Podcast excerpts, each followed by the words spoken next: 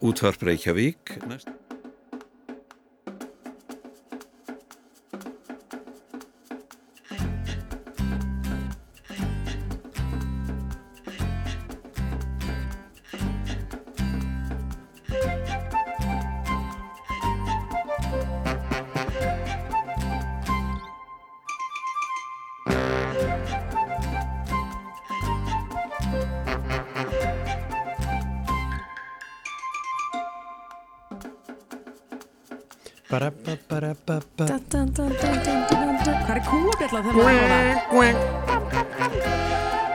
góðir hlustendur, verið velkomin að viðtækjónum eða tölvunum eða símónum eða hverju því Ú, viðtæki sem þið eruð að hlusta á þetta í. Þetta er morgunkaffið á Rás 2 sem að hilsar ykkur hér. já, góðan og blessaðan. Það er Björg Magnúsdóttir sem á hér kvennröddina Já, og karlröddina leikur Gísli Martið Baldursson. Verið velkomin í þáttinn. já, þetta er sem sagt útdagsleikritið hefur fært yfir á Rás 2. Nei, þetta er, þetta er hérna dásalegu dagur hérna í höfuborginni. Já, Bara byrta og, og stemning finnst manni að kera hér. ég held að Keyra sé víða um land frekar fallegt vetraveður. Já, og þú hafði nú orðað því á leðinni hinga gísli minn að, að bláfjöllin líta vel út í dag. Við sáum ljósin í bláföllunum og þar var Já. allt uppljómað. Já, greinilega sko brekkurnar bara klárar sínast manni. Öruglega. Ég, ég er lítill skíðamaður þannig að ég hef ekkert komið upp í bláfjöll Já, nei, ekki heldur. síðan ekki ég var svona maður er. 15 ára. Já, þú ert bara þar, Mm ummitt. Algjör synd af því þau eru svo Já, dásamleg þau bláfjöllin. eru það. Já. Já. og er gaman að sjá þessar skíðamyndir hrinja inn á samfélagsmiðluna núna svona Já. síðustu Já. vikurnar. Ég hef komið í Hlíðafjall hins vegar á Akureyri. Já, Ekki til að skíða, fór upp með liftunni bara á mínum gönguskóm, tók liftuna niður aftur. Já, Já, en það var mjög gaman. Þú gerir það? Já. Er enginn svona, því að þegar maður fer á skíði í útlöndum þá er svona, þú veist, bar í miðri brekku? Það er ekki svoleiðis á Akureyri. Nei, en ég er svona, ég er, að- ég er að hugsa, gæti það virkað? Það var akkurat mín spurning þegar ég var þarna. það var eiginlega það sem ég var að hugsa. Já. Það er í huga og fyndir hann bar í brekku. Já, en það í stuttumáli, nei, það var ekki en þetta er ofsnemt fyrir það Já, við munum kannski fara meira í þessa sálma þegar líður aðeins á þennan ágæta laugardag Já, já, já, já. en þetta er, eh, sko, það er gaman að vita það Björg að við hugsaum á nákvæmlega sama hátt ég og þú Já, já, ég er farin að þekka minn mann. Herðu, við ætlum að bara byrja þetta á, já, hvað ef ekki bara segja svona nokkuð klassísku lægi úr íslensku tónlistasögunni. Það er valla nokkuð lag sem að segir uh, áttan ára áratugurinn áttan jafn mikið og Einmitt. þetta lag Já, beint í lofti með La Líf með smartbandinu.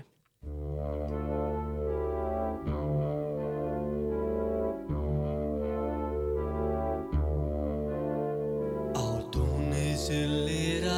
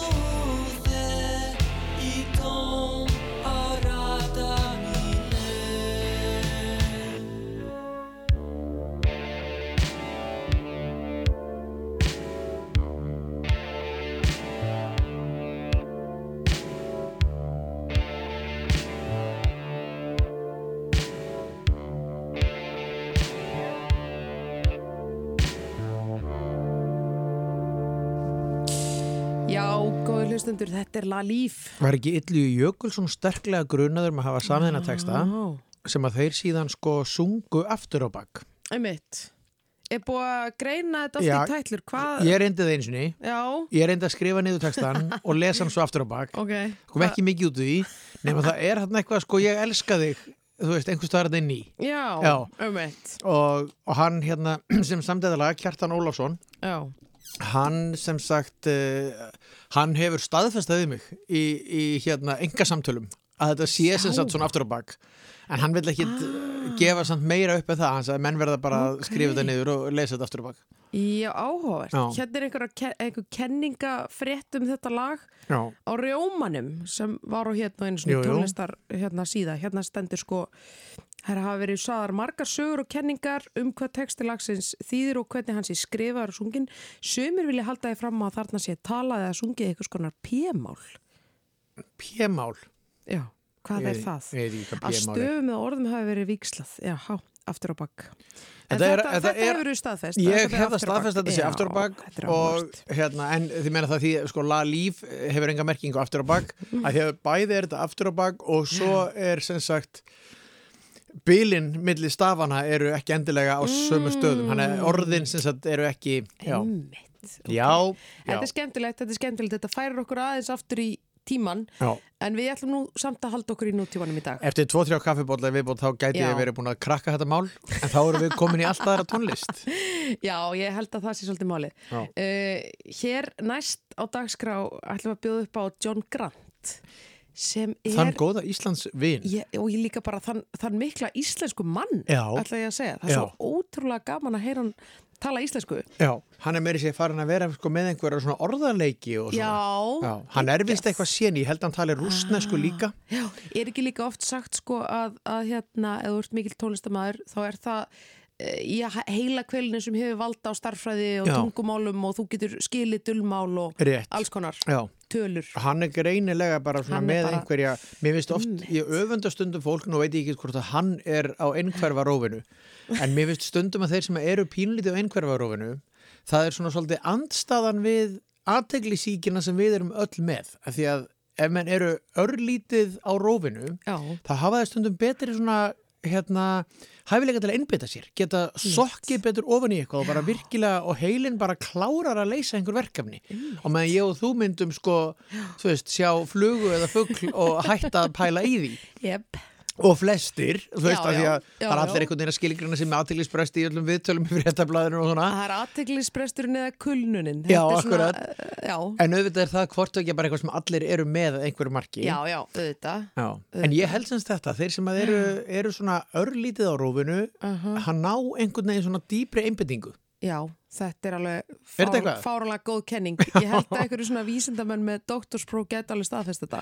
Það er allavega ljóst Eh, að John Grant er sko hérna búin að ná undra verðum árangur í íslensku, með Já. að hann er ekkert svo mikið hérna, hann er alltaf á Einmitt. tónleikaferðum. Já, hérna er lægið Greatest Motherfucker svo með, með John Grant. Já, það, hann hefur nú komið fram í hérna meðalans í þætti á þér í sjónarbi. Já, Það er nú ekkert langt síðan. hann var bara í vikunni núna í, í haust. Já, nákvæmlega. Og svo hefur hann náttúrulega verið áður. Og, Hann var á, sko, skemmtilegast var þegar hann kom í sunnundagsmorgun og flutti þetta Já. lag með Sinnit og Connor með sér í bakgröndum og það var vissi enginn af því og, og hún Já. náttúrulega fyrir svona eh, hérna, hérna 80s barn eins og mig, þá náttúrulega Já. var sko, þú veist, Sinnit og Connor var með náttúrulega þarna Nothing Compares to You lagið, Já. þannig að ég var algjörlega Varstu svona... Ég var stjörnuslegin. Stjörnuslegin, já, varst, já. Nei, alveg, mér bara- ótrúlegt að sjá hana hún var þetta með dóttur sinni þá hafði hún bara komið til Íslands til þess að verja áramótunum minna Það er magnað. Heyrðu, spilumann, kallinn John Grant. GMF Mhm.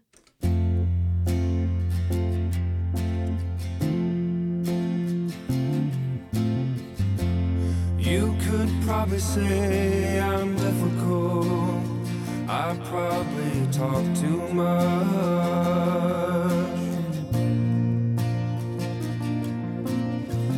I overanalyze and overthink things. Yes, it's a nasty crutch.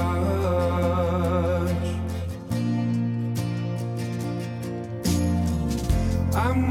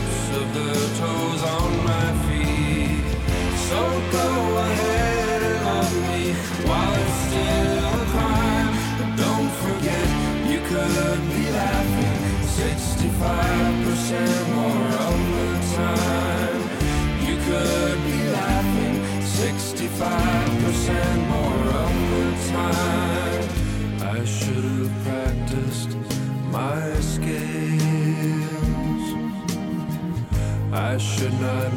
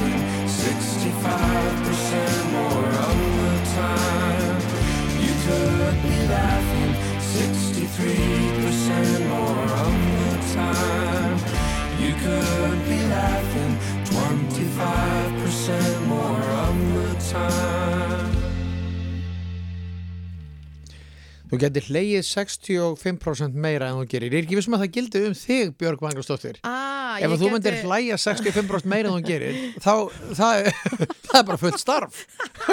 Það var reynda geggja starf. Gæti ég fengið borga fyrir þetta? Já, þú ert þetta að fá er- borga fyrir Já, þetta. það er alveg rétt, þetta er rétt. En nei, þetta er samt alveg rétt hjá honum. Já. Okkar manni. Rétt. Okkar besta manni John Grant. Já, Fólk gæti hleyið miklu meira. já, Það, og hætti sem áökjum og, og ruggli. Já, Vósbúð og volæði. já, Það. þetta er rétt. Já, en hérna, já, já. Um, og ég held að þetta sé örgulega líka áminning til hans sjálfs að því að hann hefur svona átt uh, tilhengu til þess að fara svolítið langt niður. Hann, hann hefur talað um það við tölum. Akkurát. Hann hérna, hann er örgulega með brýningu á sjálfan sig. Að það væri gott að Líka- læja 65% meira Líka, þú veist, þetta setur svaka pressu á því, sko, þú ert búin að gefa þetta út í lag og flytja það einhvern veginn fyrir allan heiminn, Já. En þetta er, við vorum með mitt að rýna þessi textan meðan lægi var í gangi. Þetta er ótrúlega fallegur og með les textan, þetta er bara eins og eitthvað svona ljóðabálkur. Já. Bara virkilega vel, vel gert og vel samið. Ég held að hann hafi eiginlega þegar hann sko sló í gegn á sínu tíma þá var það ekki síst fyrir sko textana. Einmitt. Það var tölverið svona reyði hérna inn í honum. Já, Hann náttúrulega sko eh, kemur út úr skápnum, býr í einhverju, einhverju miðríkjum bandaríkina þar sem mm. ekki, var ekki þægilegt að koma út úr skápnum já, og hann smittast, þess að hann verður HVF í ákvæður, smittast af alnami eða sem sagt, já, HVF verður og hérna, og bara er svona og þetta brýst allt út í þessum textum sem hann er að gera, ekki aðal á þessar plötu heldur á einhverju fyrri plötu. Mm. Þannig að hérna, er þetta las ég allt saman einhverstar uh, í einhverju viðtölum við hann En manstu hvernig hann endar einhvern veginn uh, á því að koma til Íslands og, og vera svona mikið hér? mér minnir hann hafi bara komið á Airwaves sem bara bandarískur tónlistamæður og hann Ó. hafi bara Fallið fyrir þessu? fallið fyrir þessu landi Já, og hann hefur sko hann hefur verið mjög duglegur á, á frekar hóvarin hátt að, að vekja aðtegla á Íslandi hann Já. talar mikið um Ísland í Já. útlöndum, hann hefur verið duglegur að, að mæla með einhverjum sko náttúrulegum út á landi og, og kaffihúsum og hinn á þessu Er hann þetta afl á baku ferðamannaströmmin? Í Er sko- hann þetta lúmska afl? Við erum alltaf eitthvað, já, Íslandsstofa hefur staðið sér já, svo já. vel. ég Ég held ekki hugsa bara John Grant.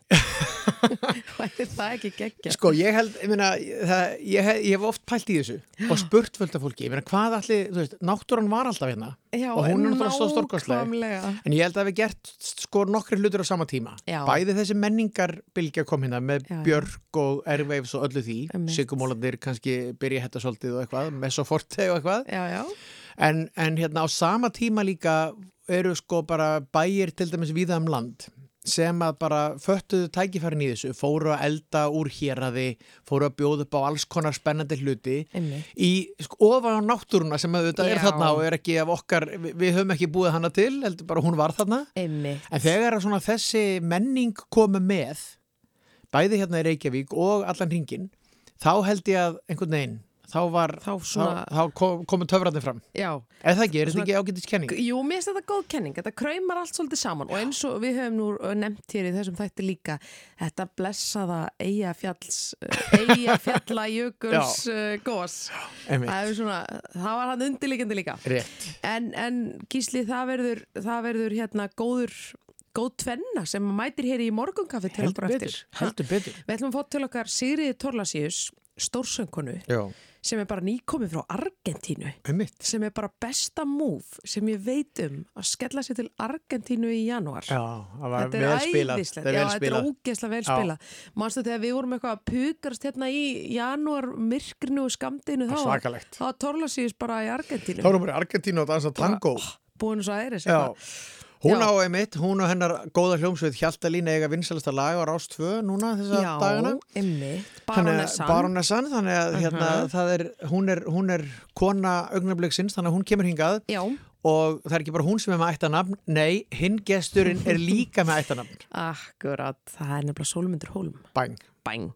Hann var að frumsýna í gær, Já. bara gær kvöldi og, og ætla samt að rífa sig upp sko fyrir okkur. Já. Hann var að frumsýna nýju uh, grín síninguna, Uppistandssýninguna. sína, varist eftirhermur. Uh, er nú ákveðin, svona, ákveðin kaltæni þannig í gangi. Því hann er náttúrulega að taka uh, það pláss að verða bara eftirhermu uppistandari landsins. hann er bara hinn nýji Jóhannes eftirabari og eða hver sem er hann er, hérna, hann er að alveg að stimpla sig inn sem einhver, einhver besta eftirherma Já, sem við eigum núna, hann var í bæjabíu sinns í gær já, og það var vist tróðfullt hús og Já. meiri háttar stemning. Þannig að ég hlakka til að, að hérna, heyra frá honum hvernig þetta var. Emitt. Þannig að hérna, já, þau setjast hérna hjá okkur og svo eins og við vorum nú að gera hérna síðasta lögata, þá ætlum við að rúlla í gegnum söngakefnislaugin.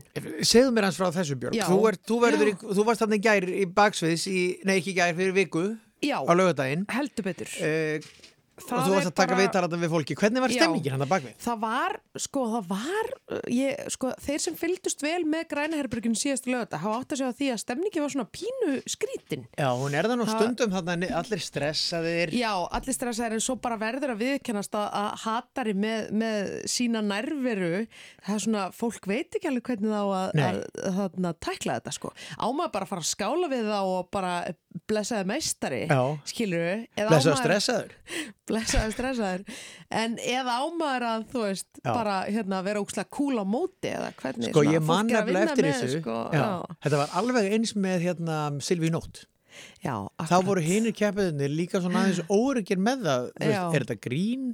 Veist, hvernig, hvernig á hann álgast þetta? já, þá pínu þannig sko. Þannig að hérna, en, en stemningin er auðvitað alltaf góð og fólk er að, einmitt, þú veist stresslevel er auðvitað hátt. Já, fólk er að hérna, fara að performera fyrir framann þjóðina. Já. Uh, en svo um leið og allir eru búnir þá svona slaknar á, á tögunum.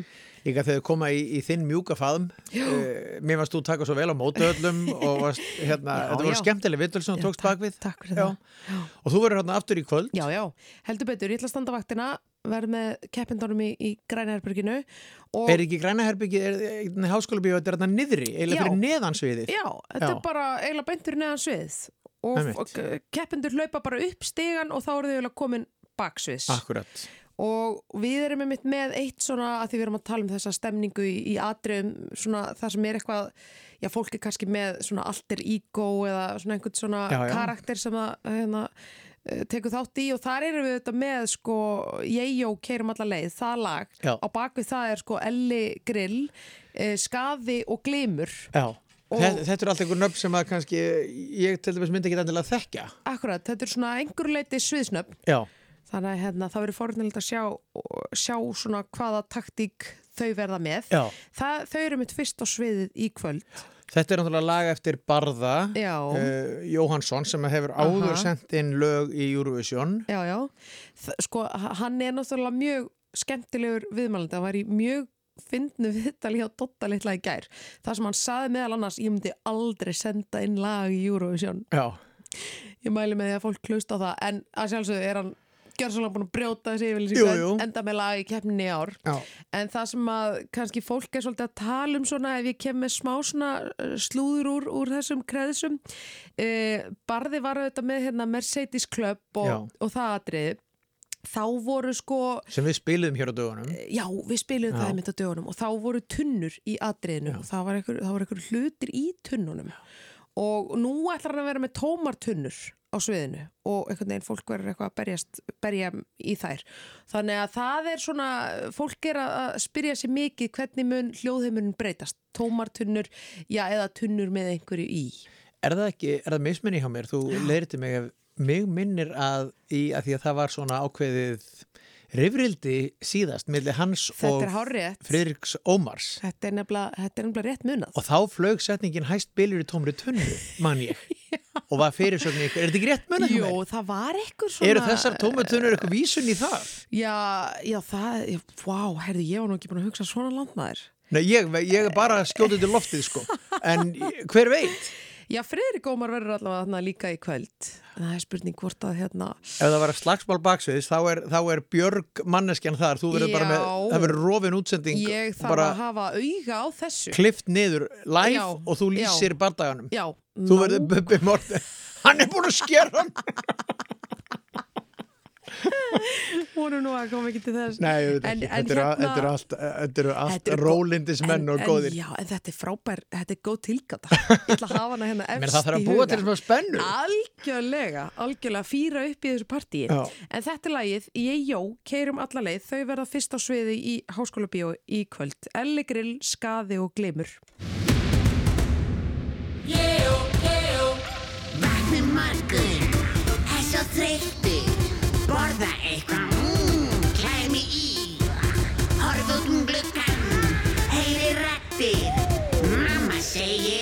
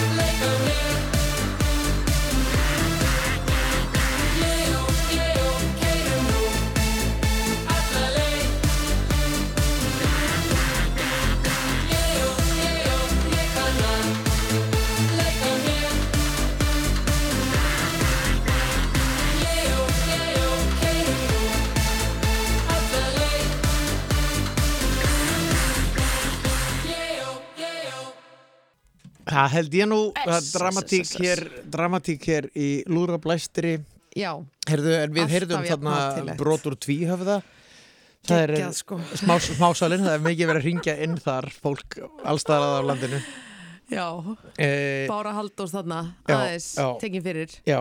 Hérna það er, þetta var þetta, er- mér finnst þetta skemmtilegt lag þarna ég og keirum alla leið Já, það er stuð í þessu. Já, hvernig er það, í, fyrir ekki ég sé alltaf að hérna, spyrja þig út í þetta endilega. en er Já. það ekki þannig að sagt, síðast komu tvö lög áfram Mhm. það var Hera og Hattari Já. í kvöld komast tvö Já. og kannski verður síðan eitt lag í viðbútt valið Já, það er nefnilega þannig að, að frangundastjórnin hefur þetta, já, hefur bara þennan rétt til Já. þess að, að bæta við einu lægi í úslitin. Já, Þannig að það er þá fymta lægið. einmitt Og þetta kallast nú wildcard, það er svona aðeins verið að- auglýsa eftir betra íslenska heitinu á það en, en þetta getur verið einhvers konar, einhvers konar villiköttur Vi, Villiköttur, einmitt eða, eða eitthvað eitthva annað. Þannig að mér finnst nú alveg ágætis líkur á því að, að eh, það verði, fymta lægi verði þarna með í, í úslitunum. Já, og fyrir, ég held fyrir tveimur árum, þá einmitt var þessu, þessu þessum jóker spilað út Já. og þá komst tónlistakonan Hildur Akkurat. inn í úslitin Já. sem svona Akkurat. auka laga því að hún var Já. með mjög skemmtilegt lag Við ætlum ekki að spila það lag er það með henni Nei, við ætlum ekki að spila Bambaram. Nei, Uh, við ætlum að spila I'll Walk With You. sem að eiginlega komin svolítið á korti Já, og manstu líka, það var ótrúlega flott myndband við þetta Já. lag. Hún var í eitthvað svona litrikum fötum og svona maður tók mjög sterklega eftir henni. Já, og síðan þá hefur ferillinu þetta bara verið á, á bjartri og góðri leið uh, þetta er lagið hennar Hildar við skulum bara heyra það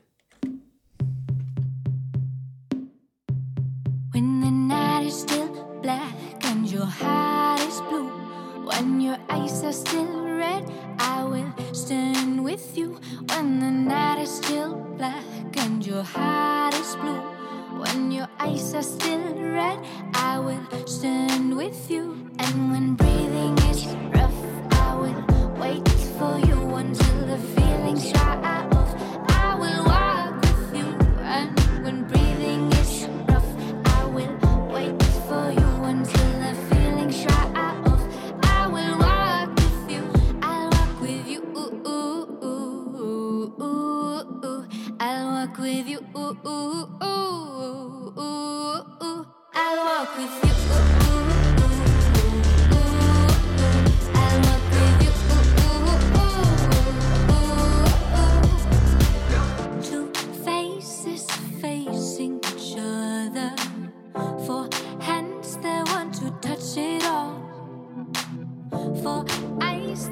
keep looking forever.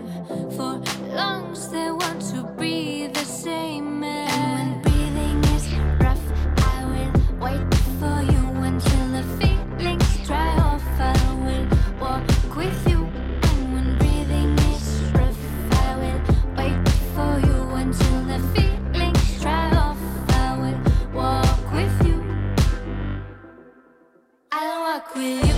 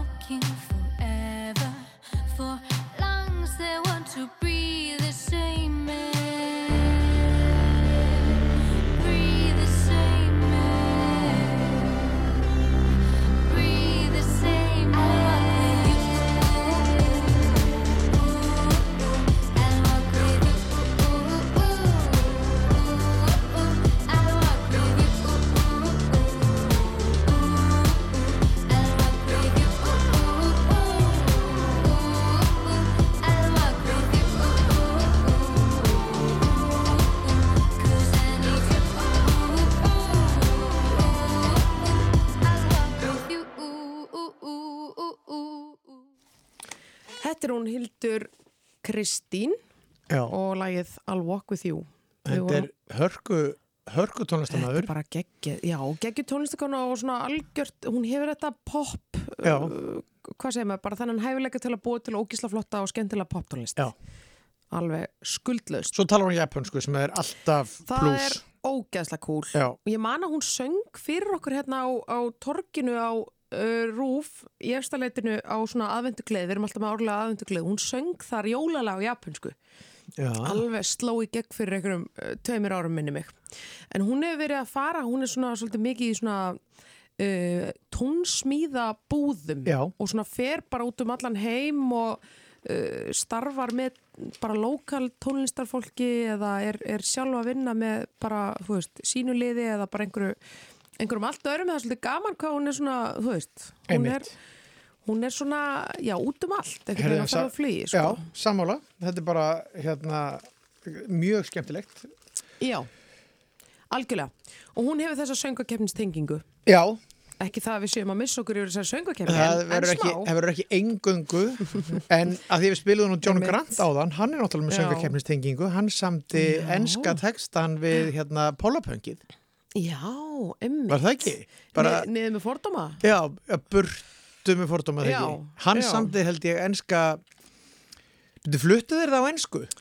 Uh, Já, ég held það. já, hérna, Prejudice. Já, ég held þér hafi flutt á einsku ég held bara John Grant hafi á textan. Við glemdum því nú bara áðan þegar við spiluðum lægið hans að hann náttúrulega með vaðandi Eurovision tengingu. Sko. Ólíklegasta fólk. Já, Meiri sér skáldið sjón hefur einhvern tíma samið Eurovision texta. já, emmitt. Já, hérna er Eða ég held það allavega. Já, þetta er alveg rétt hér. John Grant er hérna út um allt uh, hérna með Pollapangi á sínu tíma. Uh, no Prejudice, það var, það var Grantarinn sem á það. já. Já, gaman að þessu. Mjög gaman að þessu Ha. og hérna, eins og Eurovision sé ekki sko nógu allt um líkjandi þá sé ég að forsýðu fréttablasins er viðtal við hatara. Emmitt. Ég hugsa að þeir sem eru að fara að flytja í kvöld hérna, séu hálf fúlir yfir því að það sé Já, veist, þeir unnu síðast og þeir munu Aha. komast á sviðið aftur hérna fyrsta mars annar mars. annan mars, já. En gott og vel, við meina fréttablaði gerir bara það sem að því sýnist Já, já, það er bara þannig. En, þetta, er, þessi- en, en þetta samt vekur aðtiklega, þetta er önnur forsíðan sem þeir fá.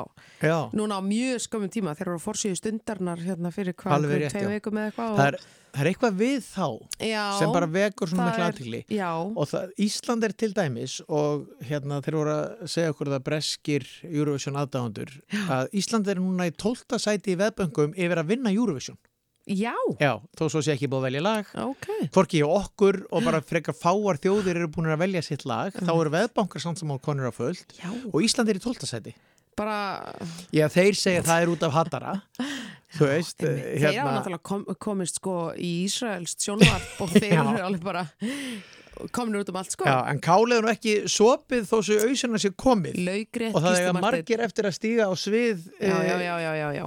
hérna, en þá fimm, atriði í kvöld sem eru hvert öðru betra Já, við erum búin að heyra eitt þeirra hérna og við erum að heyra hinn fjögur á eftir mhm. en ef ekki að, ef ekki að hérna, talað um hattar er ekki næsta lag með hljóstinni vög Jú, það er mitt, það, veist það, það hefur auðvitað bara allt söngakefnistengingu Já. einhvern veginn í dag. Er bara, ég held þú geti líka tengt uh, svo gott sem allt við kefnina. En trommarinn, þessi þarna, þetta gimp þarna sem segir aldrei neitt, þarna með svörtu linsunar og þarna gatta grímuna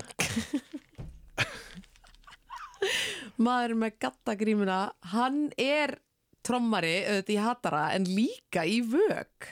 Já, er, er hann að tromma um þær eða er hann ekki bara á gítar þar eða eitthvað? gítar þar? Það. Já, ok, já, já.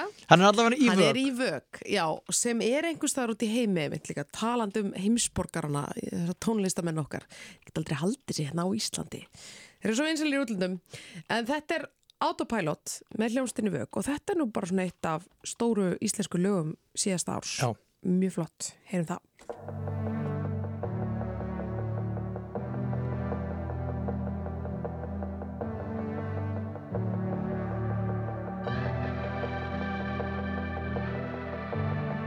Get real with me, darling, or don't waste my time. You're too busy getting fucked up. You're sharing control, but you're waiting to fly. Yeah, and it's no secret. I can't pretend. Don't waste my time. Don't waste my time. Don't waste my time. Don't waste my time, don't waste my time, don't waste my time.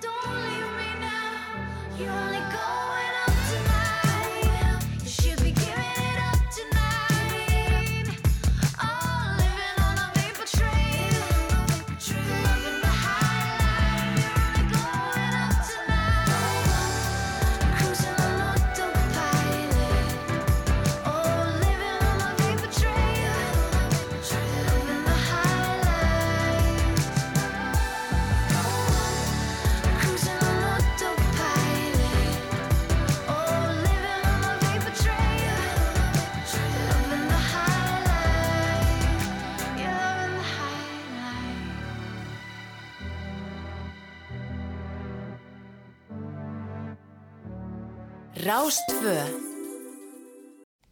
Já, gott fólk, áfram heldur stuðið hér í Studio 1 í efstaleitinu. Það er morgunkaffið sem að stendu vaktina. Nú styttist ég þurfa að fá mér annar bolla. Já, er það Ég ekki? búið með fyrsta bolla dagsins Já. og ég finn að, að ég er svona aðeins að tegja úr mér Já. sem ma maður. Á- Áttu þú hundið að kött, Björg? Nei, Hversun ekki? Hattar og dýr? já, ég bý blokk, kannski. Er það ekki nógu góð afsökun? Alls ekki. Alls ekki, en Mér gott og vel. alveg, veist, ég væri alveg til, að- til að vera svona hundatýpa. Já, Já, það nær samt eiginlega ekkert lengra, sko. væri bara til í það. En það er rosa vinna, skilur mjög mikil vinna, út að á Já, dag og já, já. allt það. En það, það er, En þú það er góð vinna. vin. Já, það er góð vinna, þú veist, það er gott að fara út að labba. En það sem ég ætla að segja er það, maður lærir af þessum dýrum Já, svo margt og eitt af því er að tegja sig. Þau eru alltaf að tegja sig. Einmitt. Og Er þetta svona djúpar svona... Já, þetta er alveg svona langar góðar tegjur sem maður sér fólk ekki gera náðu mikið en ég vissum að við þurfum alveg mikið á því að halda á þau. Herðu, þetta er frábær hérna, punktur. Er, er tinni þinn svolítið að... Hann er alltaf tegja sig. Setja hann að lappið svona fram Já. og bakið verður rosalega langur. Ó, æðislegt. Herðu, förum í þetta í næsta lagi. Já. Sko, við erum í þessum söngakefni skýr uh, lag. 2. Nú er gísli, þið ættu að sjá þetta hérna. Ég er að Ha, teygja mig. Aðfærinnar í stúdíónu. Herðu, það er Ívar Danielsson. Ívar Þórir Danielsson. Já, hver er þessi maður? Ég var síðan að mann Hver er þessi maður er spurt. Hann er nú bara búin að vera í tónlistabransanum í sjö ár. Ég var að tala um hann í vikunni, hann bara, þú veist, hann lifir á þessu. Er, þetta, er, er ég fáranlegur og veit ekki hver hann Nei, er? hann tók þátt í einhverju af þessum keppnum, nú man ég bara ekki nákvæmlega, það er konar svo margar. Já, Voice eða Idol eða því einhverju E, já, Já. og svo hefur hann verið í, í duett og hann hefur verið að gera bara alls konar. Já, já, gaman að þessu Og hann er mikill söngakeppnis uh, aðdáðandi, hann sko ólst upp með Celine Dion og það er bara, þú veist, ekki láta hann gera upp á milli Celine Dion og, eða mömmu sinnar sko, hann er bara, hann myndi alltaf velja Já, hana sko, bang. Bæng, hann er bara þar. Uh, og það er hérna, það er lægið Þú bætir mig. Og það er svona, þetta er svona smá blúkarasengur svona, uh, læðist eitthvað þannig taktur inn í þetta lag. Skemmtilegt. Svona, já, mjög skemmtilegt. Og þetta verður eins og ég segi, nummer tvö á sviðinu í kvöld og eftir um, Ella Grill, Skada og Gleim þá mætir hann Ívar Þórir Danielsson með þetta lag. Heyrum það.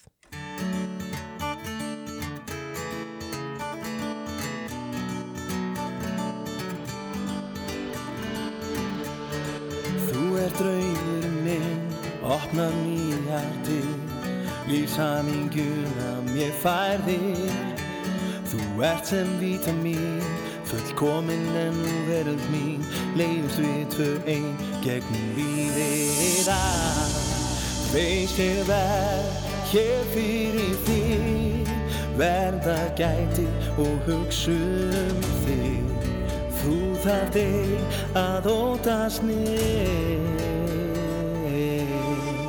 Þú ert mér eitt og allt með þér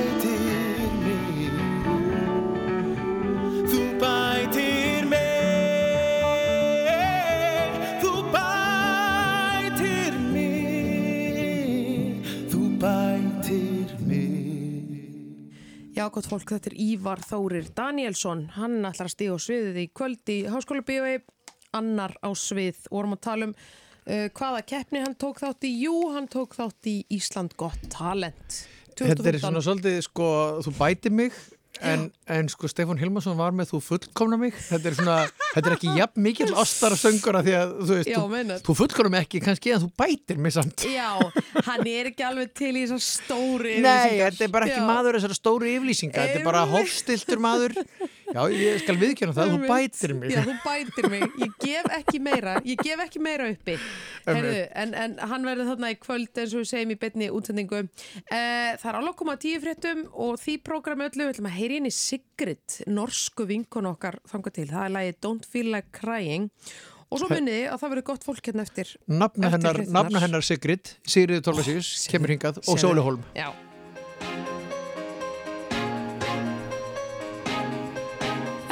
should be ordering takeout, sitting on my couch. That's what you do. I know I should be holding my feelings, staring at the ceiling. But here's the truth. Wallowing in it would be such a waste. That isn't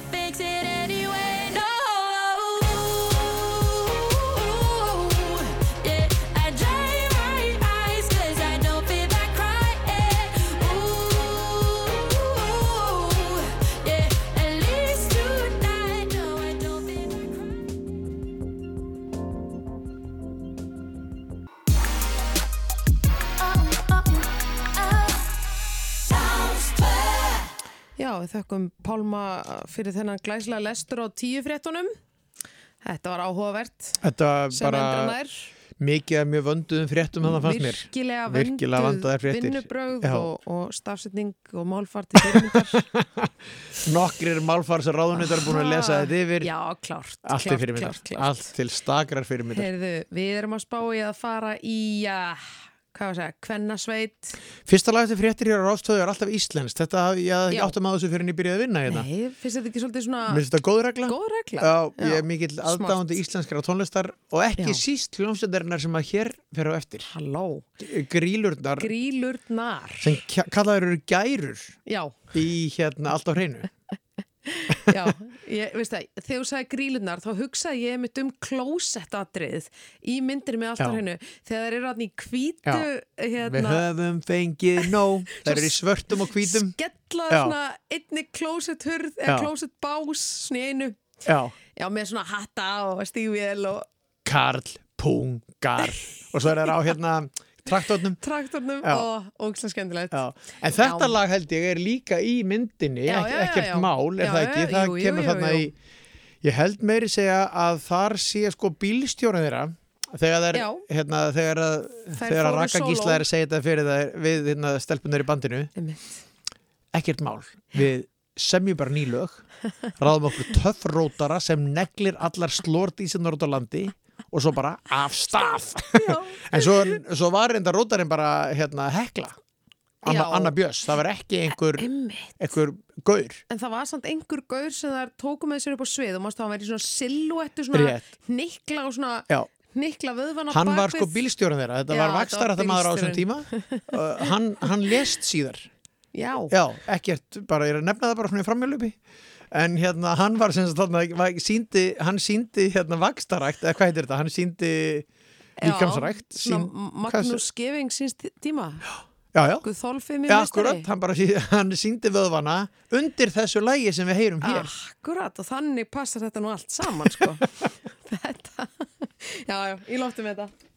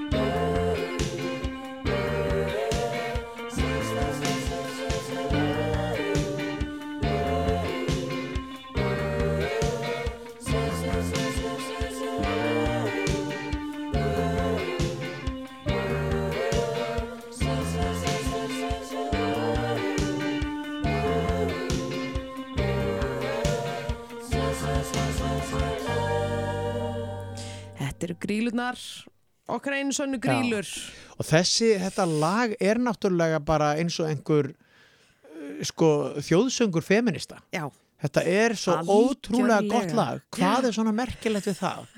Að bora í vegg með Black og Decker skilur Black og Decker bora sér næstu bara sjálft. En þú veist, á þessum tíma er þetta lag kemur út, þá var þetta bara þá var einhverjum kallar sem boruðu í vegg. Já, þetta er geggjað. Já, og líka er- bakrættirnar að vera liftara já, Æðislegt já, stöf æðislegt. Já, já, já, já, herru, þær byrjuðu þennan nýja klukkutíma hjá okkur í morgungafinu en við höldum bara ótröð áfram. Já, við gerum það. Og, og hérna, nú er komið að Gísli Martin, þriðja atriðinu sem uh, keppir í kvöld í Háskóla bíói og það er Tara Sóley Moby. Já, eða Tara Moby eins og hún er nú svona oftast kölluð. já, Hún er sko, já, barnið í hópnum eða svona úlingurinn í hópnum. Hún er rétt tvítug stúlkan, samt búin að vera í tónlist alveg í sko á þriði ár. ömmitt. Þannig að hún byrjaði ung og, og heldur bara ótrúð áfram með rosalega hérna, flotta rödd. Ömmitt. Og Hvaðan kemur þessi hér- manneskja? Hefur hún verið í einhverjum svona keppnum líka? Uh, nei. Nei, nei, Hún- hún, er bara, Hún er að stíga fram á sviði núna. Já, hún, hún var á Airwaves núna uh, í síðasta haust Já, og þótti standa sér mjög vel þar. en skemmtilegt. Já, og bara í fjarnámi í framhaldsskóla og bara, þú veist, þetta er alltaf ókslega skemmtilegt. Þannig að hérna, hún er, hún er svona grínari. Ömmitt. Það er gaman að vera í kringum hana, Já. Töru. Uh, og þetta lagi betri án þín. Eftir tvo unga höfunda, Já. Andra Þór Jónsson og Eithór Úlfar Þórisson.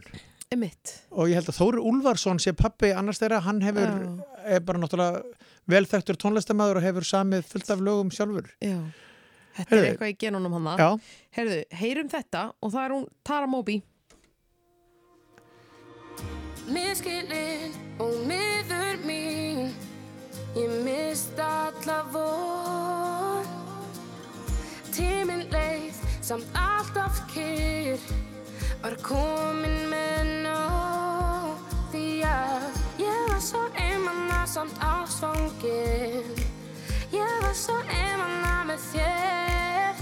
Því hef ég aldrei verið jafn viss um að ég verði betur sett án því Allt sem þú hafðir aleina Allt sem ég vil bara gleyma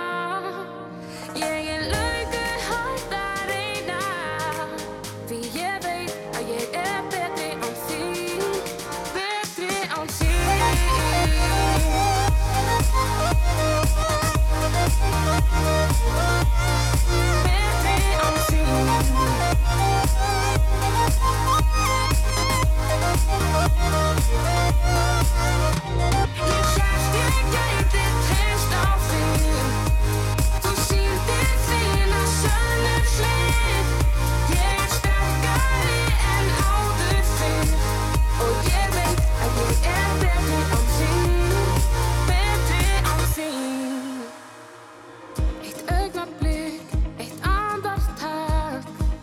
Ég fann í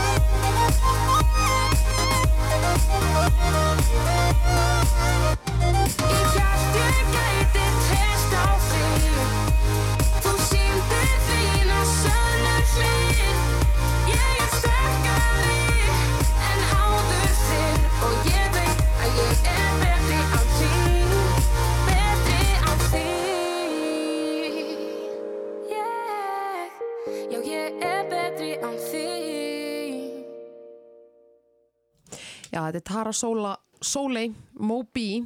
Það voru hérna gerð smávægileg mistök í betni útsendingu en, en það, bara við bara leðritum það. Uh, Tara er ekkert uh, þriðja á svið, hún er fjórða á svið í kvöld. Uh, mér eru á þau mistök að gleyma heiðrúnu önnu, ekkert gleyminni, ég bara sett hann aftar í röðina. svissaði röðinni. Ég svissaði röðinni. Þetta er nú ekki veruleg mistök, Þetta Björg. var ekki viljandi gert. Nei, og þetta eru ekki er mistök ekki sem að neitt erfir við þig. Þetta er ekki, þetta er, við, við erum ekki að tala, tala um sko afsagnar moment. Mér, mér, finnst bara að vera búin að axla fulla ábyrða þessu með því að gangast við þessu. Já, það hefði enginn fattað þetta nema þú hefði nefnt þetta hér. nei, nei, nákvæmlega. En, en við ætlum að spila lægina hérna hérna á, eftir. En við eins og við höfum áður tekið fram þá er gott fólk á leiðinni til okkar Sigriður Torlosíus og, og Solmundur Holm. Já, Við þurfum hins vegar að koma frá hérna nokkrum skilabóðum eða auglýsingum eins og þetta heitir nú góður í íslensku. Drífum í Já.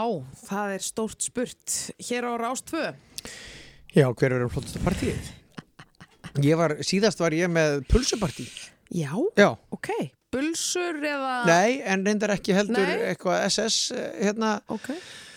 nei, ég var hérna með, með svona einhverjar græmitispulsur sem Já. að kaupi frostnar bara Já, já, já, alls konar tegundir til. Linda McCartney til dæmis gerir fínar svona pulsur og hérna ja, hún gerir það ekki sjálf, hún er látin eins og er að vera hérna þema hjá mér í þessum þætti að, að tala um dáið fólk en, en það er nú vitað það er nú vitað að Linda er látin en, en merkið hennar er ennþá til Linda McCartney sem Já. er sér grænmyndisfæði og vegan mikið nema þessar grænmyndispulsur eru meiri hátar góðar Mhm. Ok. og ég er ekki vegan Já. sjálfur eða Þetta er ekki hashtag ad. Nei, nei, Þetta er nei, bara, þú me- bara einlegur að mæla með þessu. bara ef maður er að fá sér pulsur af því Aha. að sko velgerðar pilsur eru svo góðar Já, já. Og, og hérna og svona græmitispilsur eru bara rosalega vel þú veist, og maður getur keft náttúrulega alls konar Aha. og þetta með góðu sinnebi þú veist, og ekki endilega ekki endilega pulsubrauði eða allavega pulsun er ekkit endilega í því, svona svo danetni gera þá er brauði bara svona svolítið til hliðar Já, já. mér finnst þetta geðveikt Þetta er geggjað. og við vorum með svoleiðis Og- í júróinu í, í síðustu. Já, Já. já, já, það er bara þannig. það var bara þannig Líka því hún nefnir sinnebið sko, já, gott sinneb sko. já, Það er nefnilega gott með mjög mörgu já. og Þetta- sérstaklega pilsum sko. ég veit það Gilda það var svolítið góðu sjónvarsmatur sko. oh, það var svona, það var svona næstu því eins og snakk líka, þú veist, Já. gast verið að fá þér þetta Já. en með betri samvinsku já, ég, ég ætla ekki að fara að gefa hennar uppskriftir eða neitt, þetta er bara fr, þetta er kveikeft frosið skilur bara einhverju búð hendin í opn. Já, já, já, já, og já. s- samt verða að segja líka Já. relis, bara gott relis með Já, já, já Þetta var Matarhort Gísla Martins. Hann verður hérna til 12 þetta er bara út af þessar auðlýsingu verður þú með besta partíð það er þetta eða djúbundnar sem var að vera að tala um auðlýsingunni Mér líst miklu betur að eitthvað relis og sinneb og allavega, ef mann er ekki búinir að borða Já. borða yfir Eurovision Akkurat. yfir, yfir hérna Björgu og Kó. Einmitt, þetta er hugmynd, hugmynd frá morgunkaffinu. Heyriði, það var í fréttum í gær uh, það var, það var mikil, mikil heimsókn hérna uh, í íslenska stjórnmálulífinu Mike Pompeo og utanreikisráðara bandarækjana leit hérna við hann leit nú ekkert við rosalega lengi hann. Nei. kom eiginlega bara í einhver svona nokkra tíma Já. en hann var samt með svona miklar yfirlýsingar um það að nú er þið Ísland ekki sko, hérna, nú þurfum við að rækta sambandið sko, og rækta vinasambandið og, og hérna Já, við ætlum nú ekkert að fara náið ofan í, ofan í hérna, þessi málöld en við ætlum þó að spila lag til heiðus Mike. Pompeo. Má, má ég segja eitt áður en að já, já, bara því að, að því að Baltas og Kormakur í þættunum mínum í gær þá var hann að, þá var hann að rósa Katrínu Jakobsdóttur bara fyrir hvað hann væri mér fannst hún frábær hérna í gær. Hún hittir Já, hennar gæja og hún segir bara þið eru í tómu ruggli hérna eins og lofslagsmálum og þið eru bara að laga þetta Já. og þið eru líka í tómu ruggli í hvað var ekki innflytindamálum eða eitthvað svona. Jú, jú, eða hvort að hún talaði um að Guðlaug Þór hefði tekið það upp en hérna Já, málefni hérna emitt og með hérna múr og allt þetta. E, en svo emitt kom fram að þau bara ákvaðu að vera sammála um að vera ósámála í þessum loftslagsmálum. Já, ég held að það svona nú einhverju þá er ekkit annar að fara að sannfæra hinn. Þú veist, Katar er ekkit að fara að lappa út og segja heyrðu, hann sannfærið mig. Þetta er bara rugg, þetta global warming. Nei, ég held líka að þau hafið, þú veist, í alvörinni haft svona 20 myndur hann var á mjög stífri dagskrá hefur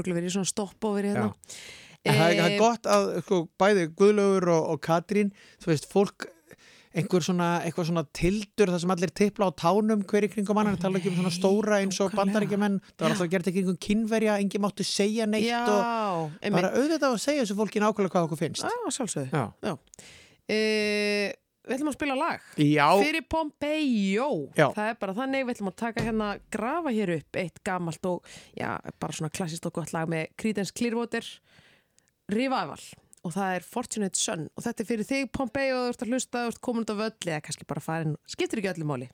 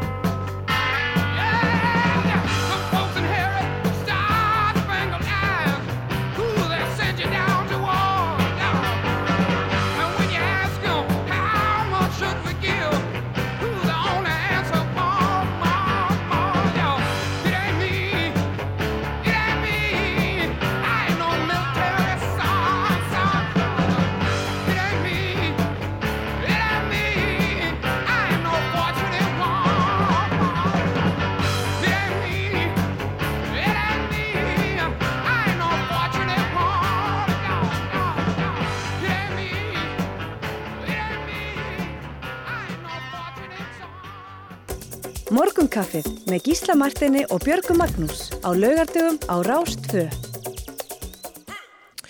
Áfram eftir við hérna, au, au, með morgunkaffið. Það er að skrýða hérna gott fólk í salin. Það eru komað góða gestir, Já.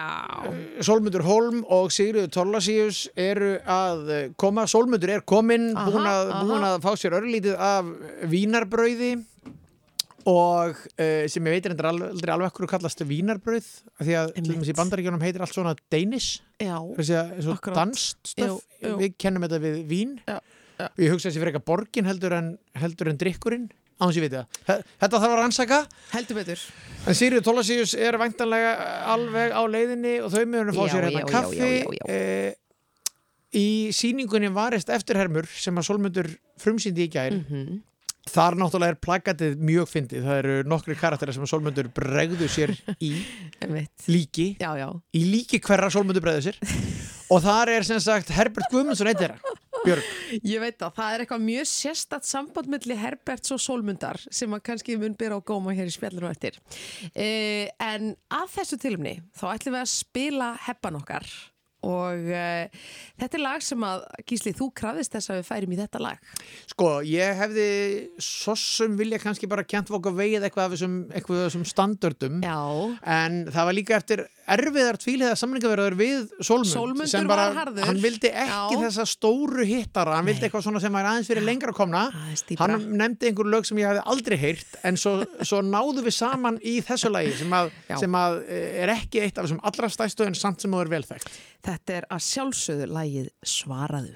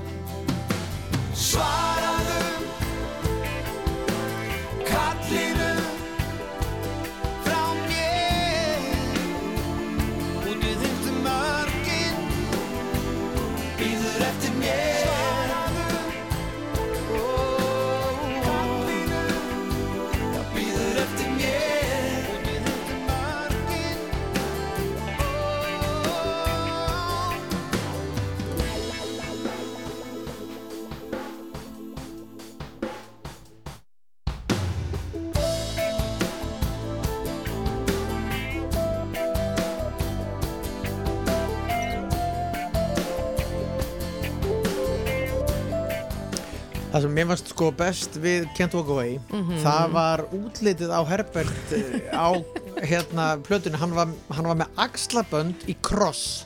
Mannst þetta þessu? Nei, ég er að googla, nú er ég að googla. Oh, Hann, var, hann hafði verið sko söngar í alls konar hljómsveitum áður en hann, af því hann náttúrulega er með alveg fanta rödd. Já, já, og, og hérna og svo kemur hann bara óvæntur í sólóferið þarna einhvern tímann á áttunni bara snemma á áttunni já. kemur Kent Walkaway sem verður þessi svakalegi smellu og hann var sem sagt utan á held ég alveg örgulega plötu umslæginu allavega í svona mörgum af uh, miklu af kynningarefninu þá voru, var þetta með axlabönd sem voru svona í kross. Ég veit ekki hvort þetta er eitthvað sem hann bara Þetta fann upp bara- sjálfur eða hvernig það var sko en bara, þetta bara makes people talk. Já. þetta er bara happy gum, skilur þetta er bara pér maskinan er mætt. Já, ha, axlabönd á ská og kross og ég veit ekki hvað en það er, ég mæl nú eiginlega bara með því að fólk leiti að myndum af honum uh, heppa okkar hann er alveg, hann hefur farið í gegnum svo mörg skemmtileg tímabil já það er ég áttan var góð fyrir, fyrir Herbert og hér sjáum við hann sko til dæmis í svona hvítum jakkafötum Já, já. sko Kent Walkaway var held ég á plötinni of the Human Revolution Einmitt. Sem var náttúrulega svakalegt nafn á plötu. Já, bara dag, dagrenning eh, hinnar mannlegu byltingar. Já, Já, og hérna það er og ekkert verið að ráðast á garðið þar sem hann er lægst Nei, ég er, bara... er ekki að sjá þessa ég er að skoða hérna þessar eh, myndir af honum, ég er ekki að sjá þessi axlaböndin kross, en Nei, ég þetta var ég já, veit þetta, þetta sko. var, nú er spurningum að fara að fá fólki í, í hús það er hérna, þau eru eitthvað bara að spjalla fram á kaffitúki þau, núna koma þau hérna eins sko þetta hérna það er náttúrulega næstu því eins og að fá uh, Herbert sjálfan þegar, þegar hérna, sóli kemur verið velkomin Já. krakka mínir Takk fyrir. Hvern- hvernig var, náðu þið í kaffi? Já, Já, þetta með var herkjum. Já, strögg Já, ströggl og fenguð herkir síðustu drópana hvað erum við að tala um? Bönirna voru búnar Já. og Já, já, eitthvað rin, rinsing going on eitthvað svona, Já. hreinsa sig og eitthvað svona. hreinsa aðra vélina. Já. og bönirna kláruðust í hinni. Þetta var, þetta var mikið panik ástand hjá okkur Siggu Þannig að, Já. Ég hata þessa vélar hérna Já. frammi, já, já, þú hattar þær? Ég hata þér Ég bara, ég kemst hérna stundum með bara Já, já. könnu og, og, Veistu trekt og bara kaffipoka hellu upp á hér í stúdíónu Já, frekar, já, já, já, fyrir okkur björgu. Já, já, þetta, þetta er dag, dags. Það er búið að drulla svo mikið yfir svo kaffi hérna í beinni út og ég heila, maður er fann að skamma en sig ég er samt að drekka þetta líka hérna núna. Já, já, sko. já. já, já, En maður þú lætur hatar hafa það. það. En þeir eru komið með kaffi, krakka mér hattur mun sigra. Maður gerum allt sem maður hattar. Mér finnst þetta mjög gott kaffi sko, þannig það Það- komið fram. Já, Þú það líka bara góð. Já, ég er æðislegt. Sko, Sóli, við vorum að byrja að tala um Herbert vinnin. Já, takk fyrir það Yes. Ég þurfti ekki svona að byrja.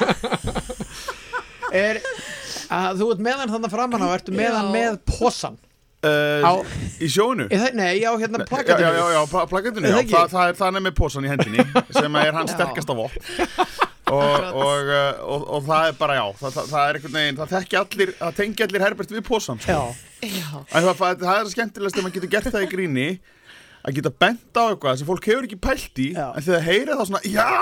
Einmitt. Þú veist, og fer að hlæja bara, vá það, það er skemmtilegast, sko, að- að fatta einhvern punkt, blett, blett eða punkt á einhverju manni, sko. Já, Einmitt. sem að aðri tæk ekki eftir og það er alltaf taka, það eru bara svona stríðispúkar eins og ég sem tæk eftir því, Já, sko og er það ekki það bæði með svona fysiska hluti eins og posan en síðan líka bara með eftir hermundunar sjálfar af Já. því, að, af því að eftir að þú til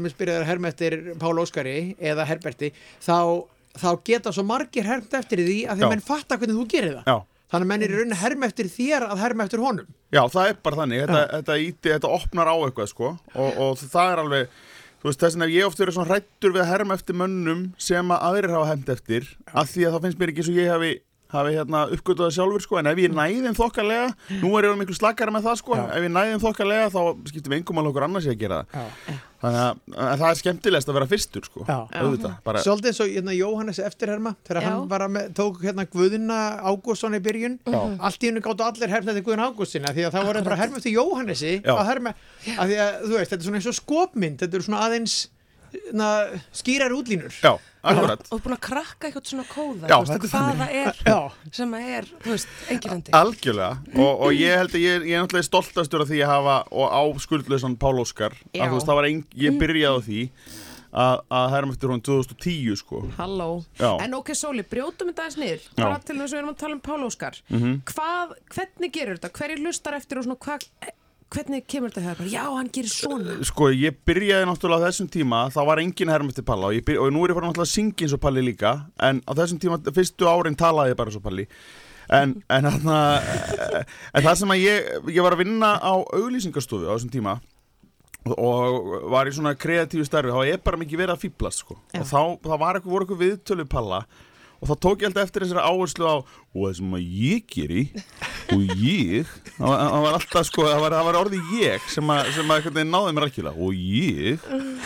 Og, og það er það sem að allir sem hafa komið eftir nota veist, og, og, en, en svo er ég, ég, ég nota það líka ennþá en, en fer þetta í miklu, miklu stærri hluti og reyna að lesa hann, lesa hann ennþá dýbra Ah, og þú nærð þeim sískinum núna. Er það- sko, Er þetta safni í fjölskyldu? Sko, dittu hann meiri svona, hjá mér er meiri svona skrýpalegur, sko. Það er ekki sem, er sem hugsa bara að það er svo dittu sér komin ykkar, sko. Það er ekki þannig. Þetta er, það er meira bara svona, þú veist, fasið og, og, og, og svona og, og láturinn og allt þetta, sko, sem allir kannast við. Sko áður en við, að því við viljum að bregða okkur til sko Suður Ameríku með, með Sigriði Ó, hérna til smástund. beint. fyrst, fyrst aðeins bara gærkvöldi þú varst að frumsýna Já. þetta í gær í bæjabíói, Já. nýja sýningu sem þú búin að vera byggja upp í margar vikur að mánu er þetta ekki, segðu okkur fyrst bara hvernig, hvernig gærkvöldi var og síðan bara þú veist, er þetta ekki svo mikil uppskeruháttíð að vera búin að vera undirbúta svona lengi og svo er þetta byrjað? Jú, þetta er einmitt, sko, sko, í fyrsta lagi þá náttúrulega einmitt maður er heima hjá sér að semja eitthvað grín og uh, að prófa það á konunni og, og, og ég, hún er enda rosalega góður ratar, sko, veist, ef hún hlæri ekki innilega þá er ég svona, hmm, ok, þetta er kannski ekki sérstætt, en, en samt að hún hlægi ekki innilega getur alveg þýtt að það sé fyndið, sko, þannig að stundum hef ég svona prófað eitthvað og, og, og er sumt í gera og verið svona, já, heyrðu, þetta var bara, þá, ég fekk bara mjög góða viðtöku við þessu, þú veist, svona, þó, þó að þér ekki finnst þetta fyndið, ég fekk bara reglulega að finna viðtökur, en, en svo var ég reynda búin að prófa örlítið efnu á svona, á svona litlum hóp, en En svo bara meira hluti náttúrulega hafði ég ekkert prófað fyrir sal. Já. og ég verð bara að segja að þetta var bara ótrúlegt hvað þetta gekk vel, ég vissi ekki að þetta væri svona gott sko, þetta var bara, mér bara mér leið svo vel líka á sviðinu, ég var svo afslappaður Já. og ég var svo afslappaður yfir daginn, ég var svo pínur hrættu við það og uh, fekk svona smá panik klukkan svona sex og svo bara glemdi ég því einhvern veginn að ég væri í paniki og, og með ég var í soundcheckinu þá var ég að prófa lengt og ljóst á, á hljóðmanninum og, og, hérna, og, og ljósamanninum og þeir öskruðu hlátri að öllu sem ég sagði að því sem ég var að prófa og ég, þeir vissi ekki að ég var að prófa á sýningunni og þá var ég bara einhvern veginn svona já, þetta er Þetta er, er gott, sko. þetta er gott stöf sko. Já, já. já. og það er alveg rosalega eins og, eins og þú sagði Gísli, maður er búin að vinna í þessu í, í vikur og, og, og nokkura vikur og koma líka eftir sjó sem gekk vel og, og ég heldur en þetta séð nú alltaf þannig með alla, alla listamenn að þeir finnst alltaf besta sem þeir eru að gera á þeim tíma þú veist, hvort sem það er platað eitthvað annað þó, mm þó hún á kannski engu flugi með aðdáðanda en í gríni er það kannski er það kannski svona, þú veist, þú veist betur hvort þú ert, ert á sama stað og fólki því að þú heyrið það bara beint hvort að fólki sé að Einmitt. og mér fannst svona miklu kraftmeiri og, og svona meiri öskur hlátur en ég er vanur hérna í gær og, og, og bara, þú veist, mér leiði ekki eins og ég var að sína þetta í fyrsta sinn. Mér finnst einhvern veginn bara, þetta var bara alveg geggjað sko. Meiri Og hattar þetta er bara glænýtt efni, er þetta aðalega hérna eftirhermur eða engungu? Já, eftirhermur og annað líka sko. Og svo, Já. svo er linda með svona þessar stærstu eftirhermur það hafi stundu leift mér að því að ég á svo stóra sögu með eins og Pálma Gunnars og Gilva Ægis og svona þá er svona set ég inn kannski svona sögur sem ég hef sagt í gegnum tíðina þú veist, lauma þeim kannski aðeins inn í, inn í þá miklu stærra sett sko Aha. þú veist, allt því bara, þetta er, ég líti á þetta líka sem svo alltaf sko yfirlitsýningu Já, akkurat. sem ég er að, ég er að gera og eins og í gær til dæmis þá end, endaði ég á, á lægi sem, ég, sem að allir sem hafa séð mig skemmt hafa heyrt mig taka en ég endaði sjóið á því og, og þú, veist, þú veist, þó það var ekkert nýtt en það var bara svona einhvern veginn moment. Hvað Það var Einmitt. það? var samferðað með Pálma Gunnarssoni og, og, og, það er bara eins og það er bara eins og ég segi, það er svona mín nína og Það er aðeins meira um þetta á eftir Já, en, en Sigriður einmitt. Já, góðan dag. sem situr hér uh, stilt og prúð Já, stilt að brún. Þú er það nú ekki alltaf Varstu Já, stilt og það í? Argentínu Já, mjög stilt að brúð í Argentínu held Já. ég bara. Já. Hvernig kom það til að þú eittir stórun hluta janúar í Argentínu? Sko, það kom eiginlega bara þannig til að ég, hérna, ég hef svona gegnum tíðina öfundað svona mína kollega sem eru svo sniður að fara eitthvað í janúar og maður sér svona samfélagsmiðlum og bara alveg, ó, vá, hvað eitthvað þetta er þessari góðu veðri og róliheitum eitthvað. Þannig ég var bara búin að ákvaða þetta fyrir lengu, að fara eitthvað. Svo bara einhvern veginn datt svona skemmtilegt fólk upp í hendunar á mér sem var í sömu hugleggingum og við bara googluðum sko, bara sömar janúar where to go og völdum bara handa á því bara heyrðu við fyrir Já. Og þið voru að mestuleiti í Aires eða hvað? Já, við vorum það svona mestuleiti þetta er náttúrulega rísastort land og maður bara þarf að pika hans út. Þú ert með smá tann. Já, ég ætla einmitt að vera að segja, náttúrulega fallega. Já, virkilega. Jú, þakka ykkur. Já. Þetta er, þetta er ekki, ekki eitthvað svona artificial bull, sko. Þetta er bara alvöru brúnka. Nei, er ekki, þetta er ekki, þetta er ekki brunkakrem sko. Nei, og líka, þetta er ekki svona brúnka þar sem að einhver fer til útlanda og ætla bara að vera brún. Nei, nei, Þetta er bara svona, ég var bara í Argentínu að njóta Já. og jú, Já, óvart komið sól. heim með fullkona brúnku. Sólinn Ó. kisti aðeins. Einmitt. Þetta er svona fagleg, fagleg Já. brunga. Já, það, það, þetta þykir mér vænt um að heyra Þetta er bara- algjörlega frá hjartanu. Ég hugsaði að ég sá vel koma. En, en þannig að þú hefur verið í þessari listamannavertíð í desember sem allir Þekkja. Það er bara, þú veist, tó, tógara hérna túrin, Það er bara, já, er það ekki? Og bara skemmt á hverju einasta kvöldi og sungið úr sér rattbundin og allt það. Jú, algjörlega, Og svo bara- Tegakerfi í rusli og svo, Er það? Já, fettandi í rusli Er það? Já, pínu, Já. svona Já. En það fer eiginlega mest í rusli á mér sko, mér erst erfiða sko, eftir svona mikla törn um, þegar að síðan allt í hennu slagnar á og það er ekkert að gera. Já, einmitt. þá fer ég að gera bara mjög skriktna hluti og þú veist, taka Ok. til á mjög skriktnum stöðum í, skápunum eitthvað svona. Og það var alveg það sem ég var að hugsa bara hérna, ná að svona klára það eiga nokkra daga, eiga svona ganga frá lausum endum og pakki tösku og fara svo og einhvern veginn að brúa þetta bil. Þú kláraði jólin hérna, eða þú varst hérna í jólin og Já, ég fór bara meðan janúar sko. Erum við að tala um að þú hafi bestað þetta? Ég bestaði þetta Algjör bestun Og pantaði bara hótel á netinu og svona, þetta er ekki einhver pakkaferð sem þú Nei, það nei, færi nei, nei, Ég reyndar Þetta er var líka með Thorlacius, sko. Þetta er. Thorlacius, sko. Já. En ég reyndar ætla ekki að taka mikið hér Ég var með, sko, ég var með bestara í, í þeim málum sko. Tvo sem voru rosa mikið á Að og- Hérna, heyrðu, ég er búin að finna geggjaðan veitikasta hér og þú veist, þetta, ég gerði ekkert svona Ég bara, Nei. það er, vá, frábært. Förum þangað, ég er til það Já. Og hvernig, hérna bara, hérna áður en við förum í næsta lag, hvaða lag ætlar að spila næst, Björg? Sko ég ætla nefnilega að fara, Torlasís kom með óskaleg. Thorlacius sendi eitthvað á, á, hlaupum, já Já, Já, gott. nei, Sko- þetta er sko æðislegt lag Já. sem ég er með okay. standbæ Má, bara. má ég spyrja hana einu í viðbútt, bara með Argentínu? Af því Ég hef aldrei komið til Nei. Argentínu og, og semst, þar alveg þetta ekki til Búinus Æris. Nei, En hérna, þetta er, náttúrulega eiginlega, hún er byggd aldrei eins og bara evrópsk stórborga þeggi. jú, hún Já, er nefnilega bara eins og eitthvað mix af, þú veist, París Já. og Madrid samt ertu klárlega í Söður Ameríku og þú veist, litagleði og, Mhm. og svona, bara rosalega falleborg rosalega slagt andrumsloft svo er þetta bara tango út um allt Í alvöru? Já, alvöru þú tango? tala. Ég horfði á hina og sagðist alltaf að gera það næst Ok.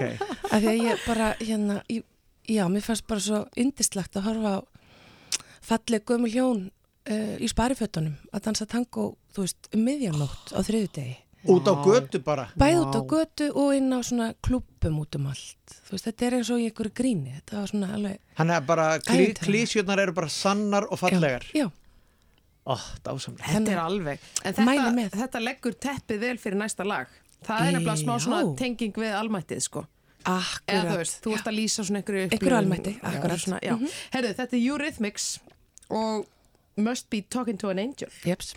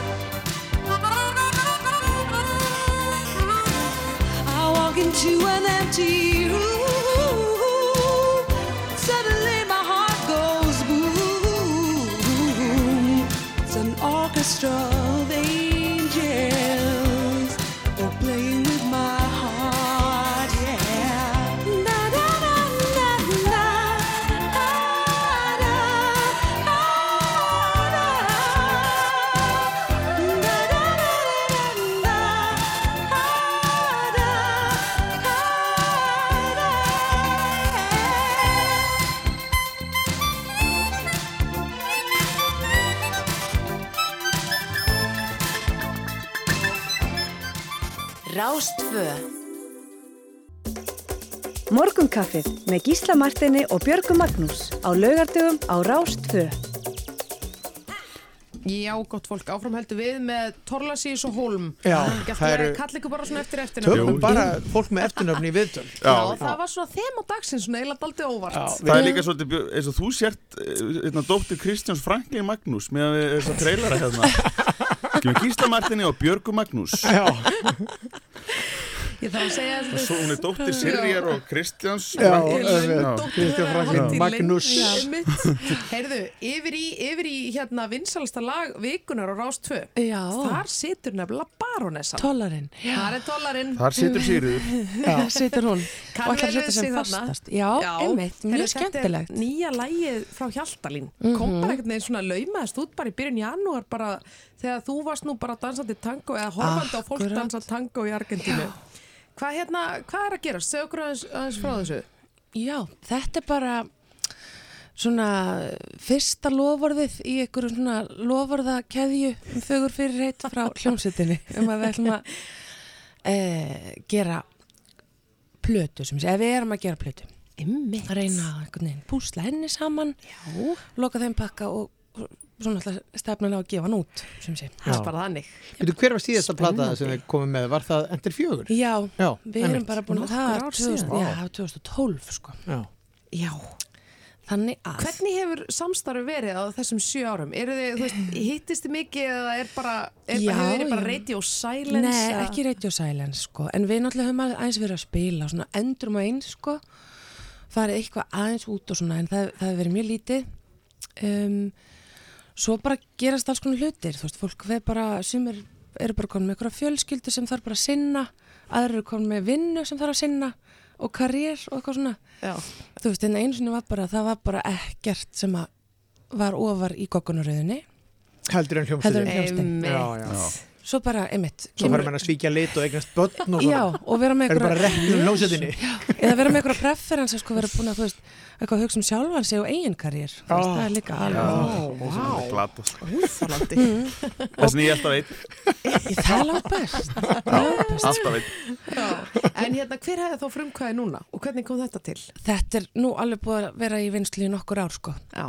bara svona hægt og rólega okay. Eitt skrif í einu Já, já, og frumkvæði veit það nú ekki sko. en, en þetta já, það er tilfyllt af efni og við þurfum bara svona, svo er þetta líka bara þannig að það eru bara rosa margir kokkar í uh, sama eldhúsinu sko.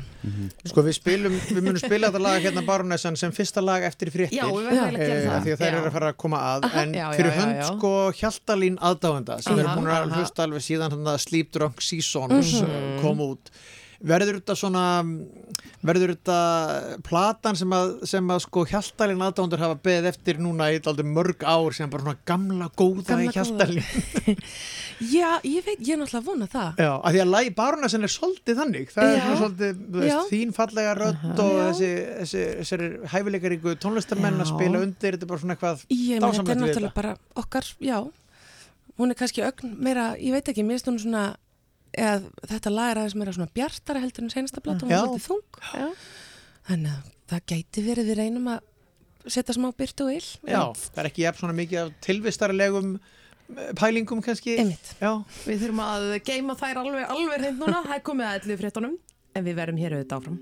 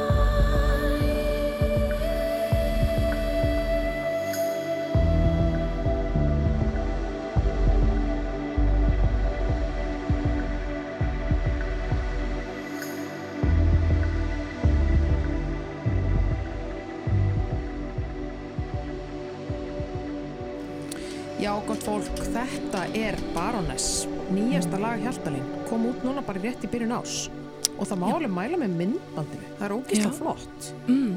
Ég þarf að það. Já, hver er þessi Baronessa? Já, það er góð spurning sko. Hún er hérna, ég, Ég? ég sé, já, ég, ég sé fyrir mig svona eldri konu sem að er hérna uh, svona ósátt við það að vera ekki svona ljósmyndin, gamla fallega ljósmyndin á sjálfri sér. Og hún er einhvern veginn í einhver svona baróttu sko. Ok. Já, ég veit samt ekki alveg hvort þú, þetta er hún, en það er svona eitthvað sem ég sé svona fyrir mig sko. Þú svona hugsaður um hana þegar þú syngur lagið. Já, Ég sá fyrir mér ein- einmitt svona einhver eldri konu á barónstíknum Já, Já. akkur ekki. Sem býr þar kannski. Ég, meina það er hægt að bæta því inn í myndina. Einmitt, takk, hún má gætna búa þar. Bár, brjálaði sér búið að loka báru bleiku bara og get ekki keft föll lengur í mitt. Það er sko, ég, hérna, sko, býtum við, hvernig er Já. þetta? Ég held að, að orðið róni, þetta er nú alveg ótengt þessu, sko. frábær pæling. Sem sagt, ég held að orðið róni Já, sé komið frá því að þeir voru, að fyllibittunar í Hafnastræti í gamla daga voru kallaðir Hafnastrætis barónar. Já, það er, ég nefndi þetta Já. Já. Barónar Já, já. í Hafnastrætinu mm því að það var bara, menn, menn lágu þar úti hérna söðdruknir og ba, þú veist, já, þetta er barónarnir Já, já. og svo bara rónarnir já, af því að róni er bara alíslenskt orð, þetta er ekki tekið úr einhverju öðru ekkert skandinavist. Ég Þeir eru ekki. svolítið fallegt orð Já. Eða skilur, mér finnst eitthvað svona sérverandi við það sko. Mér finnst að við ættum að hætta að tala um þetta fólk sem róna og fara aftur að tala um sem baróna og barónessur en, en hérna Solmundur, hvernig sefur maður eftir svona gig?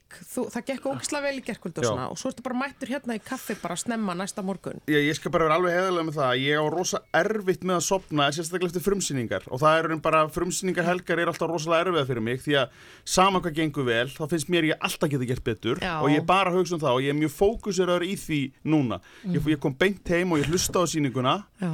alla og, og, og, bara svona, já ok, ég sé þetta frekar þarna að gera þetta svona og, og, þá leiði mér betur að hafa hlusta á þetta og vita svona bara ok, þetta var þetta var bara eins gott og ég held og hérna og, og svo tók ég melotónin til þess að, að sopna betur sko. Já, ég, já, og ég já. man í fyrra, þá er náttúrulega nýkomin úr öllu krabbamæsveisinu þá, þá átti ég sveftöflur og ég tók það líka eftir frumsýningu í fyrra. Uh, og, og það bara veginn, ég, ég er ekki alveg þar að ég fara að taka sveftöflur sko. En, en þetta bandaríska töfralif, ég, ég, ég tek það stundum. Já, já, Já. en þetta er alltaf, alltaf þannig bara og, og maður er, en það er líka kannski bara fínt að maður sé, sé hérna með einhvern veginn, með mann í þannig svona, þú veist, óla maður vilji gera betur og, og sé ekki bara sattur sko, þó að sé Já. bara að sé hleyið og gangi vel að maður Já, já. hugsi alltaf hvenær er maður bestur sko og það, það friða mig að- að að vera með þennan metnað Þú ert að sína þessa, síningu í Já. hérna bæjabíu í Hafnafyrði Já. sem er nú með alveg ótrúlega metnaðfulla og flotta Já, Já, og bara við reykvíkinga vil ég segja sko að það er svo auðvelt að taka ásinn sem fer bara bein, beina leið niður að fyrði í Hafnafyrði halló. Einmitt. og hérna og bara er hraðleið Já. og hérna og bara hoppa við ásinn sem fer frá hérna Lækikatorgi og fer upp á hlemmi líka meiri segja henda sér þangað 20 mínútur taka menningar kvöldi Já. í fyrðinum fagra. Og strætó er ekki hættur að ganga þegar sýningin er búin. Þannig nákvæmlega að þú getur tekið strætó Já. heim tvekið Einmitt. nokkra öllar að þú ert, ert, ert í þannig stuði Já. og, og þannig að um að gera. En hérna, en svo ertu líka með einhverja nokkra sýningar í, í hérna, fyrir, fyrir hérna, latte lab liðið, hérna, niður í miðbæ. Já, ég er á hardrock líka. Uh, það, af því það er náttúrulega einmitt, er, er ekki allir sem átt að segja á því hvaða er stutt í Hafnarfjörð. Uh, og, og, og treysti sér ekki til að fara, fara þangað og hugsa mitt bara, ég þarf að taka leigubílmaður og, og eitthvað svona en, og bara líka kannski yngra fólk sem að vill, vill fara uh, út að borða niður í bæ og vera svo þar áfram Já, já, þetta já. allt annað konsept og, og maður já. sjálfur sem, sem sko, bróða með sex manna fjölskyldu hefur einhvern veginn ekkit tengir ekkit við það lengur sko, en, en það eru bara rosamarki sem vilja það, hann að ég er með uh, ég er nú bara búin að bóka eina sýningu á Hard Rock núna sem er á föstu daginn næstu Já. og uh, og það er eina sýningin sem er til einhverju miðar á, á það, sem að, það sem ég er búin að bóka sko. en það er svona einmitt að því að hópur minn, ég bara á rosalega breiðan uh, hóp sem er frábært, Já. ég á fólk sem að sem að vill ekki koma niður fyrir snorabraut og svo fólk sem vil ekki fara upp fyrir hana veist, að, og, og það, það er bara frábært að geta nátt til svona breiðs hóps Er, er, er hleyið á ólíkum stöðum í ólíkum postnúmerum? Ég þarf að prófa það, ég þarf að prófa það nefnilega og það, með síðasta sjó var það alveg 100% þannig? Já, já, já, að því að Hvernig, hvernig greinur svona húmor eftir landslutum? uh, það er náttúrulega sko e- eina sem ég get sagt er að eftirhermur ganga allstaðar Mhm. Ef allir vilja eftirhermur og allir og þær eru bara einhvern veginn svona hríðskotabissa, þær eru bara bara eins og vatn, sko. Þú veist, það drekka allir vatn er nema þröstu Leo. Erum ána mig? Nei, bara drekkur ekki vatn. Nei. það við, fyrst það viðbjöður Hann hata mjög örgulega líka. Ok, þetta er svo góð staðarind Já, en þú veist, það, það, er, virka, virka allstaðar Já. En í fyrra var ég náttúrulega með sko tvískipta síningu Þessum fyrir hlutin var svona að fara yfir að gera grína veikindum mínum og þannig. Það virkaði best á hardrock veist, það var einhvern veginn svona Kaldhæðni, yngra grátt, svona- kaldhæðni, já, kaldhæðni, Já. aðeins svartari húmor og eitthvað svona, Ok, sko, virkaði betur út á, og, og, og, það var ekki alveg einstert út á landi, þannig að ég fór stundu bara aðeins hraðar í gegnum það, veist að því vissi bara eftir hlið væri, væri bara einhvern veginn, það myndi, það myndi allir fara út, sko. Ég sá, sá gömlu sýninguna á Hard Rock Já. og hérna, það var bara fyrsta skipti sem ég kom niður í þann kjallara. Já, og hann virkar svolítið vel sem svona stand-up kjallari. Já, frábæla. Já, mér fannst, mér fannst mjög gaman að koma þangað. Mér leið svolítið eins og í einhverju, í einhverju svona, á svona stand-up klubbi Já, þetta er svolítið erlendi, sko. Já. Þetta Það er líka þetta að vera í kjallara sko. Já. Það er eitthvað Já. við það sko. Algjörlega. Bara svona undir yfirborðið Já. já mann Það er finnst eitthvað næstu York, eins sko. og, eins og grínarinn megi vera aðeins grófari því við Já. erum þetta saman hún í kjallara það fréttir enginn af þessu Nei, akkurat. En, en hérna Sigga, því við erum að tala um svona staði sem maður kemur fram á og, og, og allt það, því vinnur náttúrulega bæði í þessum geira Mhm. þetta hlýtur að vera uh, svolítið álag þú veist að vinna við að koma fram og vera frábær og negla það í hvert skipti og allt þetta, hvernig díla maður við þetta? Já, stundum fyrir maður bara heim að gráta sko, takka fyrir sig og, og fyrir svo heim og hérna, eða gráta, þú veist. Snögtir í kottan. Svona Já, svona, svona hundur í manni. Já, svona, þar, hérna, já, er smá svona með uh, svipun á sér, við Akkurat. En ég minna, ég, maður er samt ekki að kvart yfir Nei, þetta er er bara, Um leið og það hættir, þá er maður kannski búin að missa metnaðin. ég segi það, maður bara reynir að láta hlutina ganga og, og hérna reynsa hugan á sér, Já. skilur með hérna með ljúfum hugsunum inn á milli Já. tala fallega til, til sín sjálf sko. Já, en hvernig hefur þetta verið hérna, því Hjaltalín hefur verið í svona smá pásu? Já, Þú hefur auðvitað verið að koma fram út um allt. Já, Þannig að hérna, hvernig hefur svona, hvernig hafa síðust ár verið hjá, hjá Sigur 12? þau eru bara, þú veist, það er bara mjög ólíkt og mjög alls konar sko. Þú veist, ég náttúrulega er uh, bara eins og sóli í alls, þetta er bara svona einhver sjómennska sko, stundum, þú veist. Maður bara hérna fyll upp í, fyll upp í hérna kótan sko, fyrir mánuðin eða eitthvað. Passa sér samt að vera ekki móð mikið og reyna að halda eitthvað, eitthvað svona gullin Mhm. meðalveg. Bara eins og kvotinn, bara passa sig á ofveiði og nákvæmlega, ekki brottkast ekki með brottkast já, en, en svona í alvöru eru þið sko bæ, þið eru bæði ung hérna og gæti, ung, ó takk, takk já, takk. geti gert einhvern veginn hvað sem þið viljið en þið eru bæði, þið þórið svo held áfram í sjómanalíkingunni að vera Yes. á þessum miðum þar sem að þið eru ekki með föst laun þið eru Já. bara bæði hérna þórið að vera bara upp á von og óvon og bara til þess að þið fáið laun, þá Já, já. þurfið þið að vera svolítið dugleg að Já, ekki, Já. ekki bara mæti vinnuna, heldur að koma ykkur á framfæri og mæti svona viðtöl og allt þetta. Hvernig er þetta, er þetta líf sem að ykkur finnst miklu betra heldur en 9-5 eða er þetta bara eitthvað sem að þið duttuð óvart í? Það er bara svo langt síðan að ég var 95, ég man ekki alveg hvernig það er. Nákvæmlega. En ég held samt að maður bara, maður læri líka bara, þú veist, á leiðinni, einhvern veginn, þetta er eitthvað sem ég á að taka mér, ekki þetta. Maður vinsar úr, Já, þetta henda mér, ég henda þessu ekki, einhvern hendar veginn- þú ekki? Nú er ég fórhustin. ég, ég henda ekki í hérna, hægir ekki allir í stuði, stuðastemning 1, 2, 3, sko, ég, ég henda ekki í andfélag í Ah. það. Hérna Nei, nei, Sigga nei. Tól, ert þú til að vera veislustjóri hérna Já, í... akkurat. Já, nei, Við þurfum ekki að prófa það, sko. nei, akkurat. Eh, Þú bara syngur eitthvað og segir einhverja brandara? Já, þú tekur kannski ball svona tvo tíma Þa, það er búið, ég er búin að áttum að því já.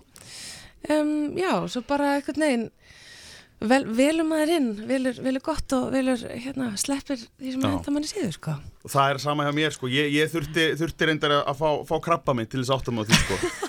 Bara því miður, þá, þá bara einhvern veginn áttaði mig á því að að setja ekkin frekar í eina körfu sem alltaf sagt að maður eigi ekki að gera það Já. en ég sé Ok. að ómargar körfur taka ómikið pláss.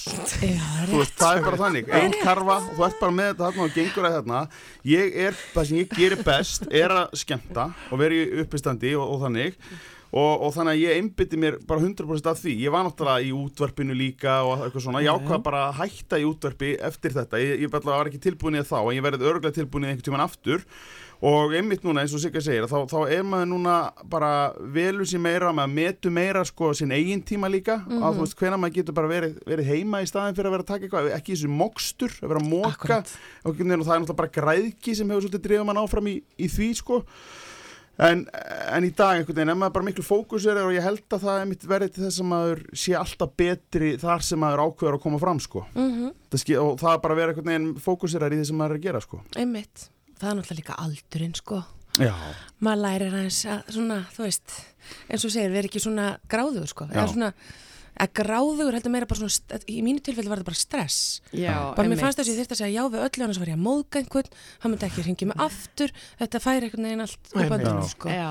En nú er maður bara, þú veist, rólir með það bara, ég þarf ekki, nei, einmitt það þurfi ekki allir að, Já. einhvern veginn, vera sáttir við mig, sko.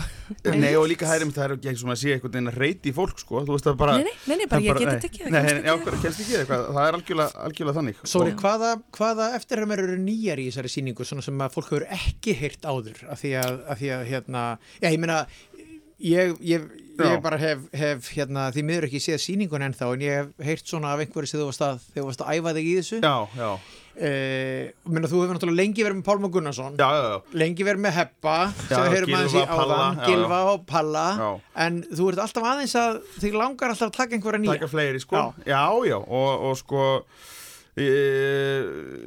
já, ég veit ekki hvað ég geti eiginlega sagt sko, verður ekki að gefa mikið upp sko, Já. hvað maður á að, segja. En, en svo náttúrulega er, er Jón Ársall koma náttúrulega nýr einn sko, veist, hann er ég er með mjög gott uh, dæmið með hann sko, Já. og það virkaði alveg sjúklega vel í gær, Er það þannig, þannig að ég myndi segja að hann hafi kannski komið sterkastur inn að þessu nýju í gær Er það, sko. eitthvað, er það eitthvað fólk sem bindur ekki já, baka sína- annars, já, já, En já, var það ekki líka einhver sko. hérna því að nú er högni nú í, í uh, hljómsveit með Siggu. Hann á þarna smá tónlistar Högni kemur Ég líka held sko. nefnilega að þú eigir hann að daldi gangi, ég ætla nú ekki að gefa þetta upp Nei, nei, það, það er, högni skemmtilegt. dúkar upp líka. Þeir sem fylgir þér á Instastory, þeir, Já, þeir, þeir- sjá stundum. að- Já, þeir gera það sko. Þar sem að Jón Ársælt svona morfast yfir í högnu að taka loka, lokalagið í þáttunum. það var gott, líka sko. eitt annað gleðefni Já. í gær að sko það sem að tók svolítið fókusum minn af, af síningunni það er að sko lið fjölbreytaskólans á Suðurlandi sigraði gettu betur í gær ríkjandi Mm. meistara í fjölbreytaskólanum í Garðabæ og í liðinu eru tveir bræðrasinni mínir Nei. Þetta eru, eru sinni bræðra minna, sko, Sikkos, Solmundur Magnús sem er nafni minn og Svavar sem er Guðsónu minn. Þannig að, og þetta er einhvern veginn, það, það bjóst engin við þessu frá mínu fólki, sko, að það væri, að það væri greint sem, í, í þetta. Þannig að, ég vil senda kæra kveðjur á, á, á, á strákan og Guðni sem er með þeim í, liði, bara innilega til hamingju. Já, vá. bara Stort, skila. kvöld fyrir hólmfjölskyldan Já, mér er að hún, hún sko, það var klopningur. Jú, það, jú. ég meina að bræðu mín mætti ekki horfa á mig Nei, og nei. mamma ekki einu sinni heldur Nei. sko, hún horfði á ömmustrákana í staðinn Já. en pappi, Vá. hann klikkaði ekki sko, það er greinlega hver elskar mér mest eins og hann sagði, ég valdi bullið fram við gáðunar Herru, við ætlum að vinda okkur í Þú ert næsta lag, Hólm Já, Viltu kynna þetta eitthvað? þetta er bara sko, lag með Pálma sem að kemur öllum í stuð ekkert meira það að segja Nei.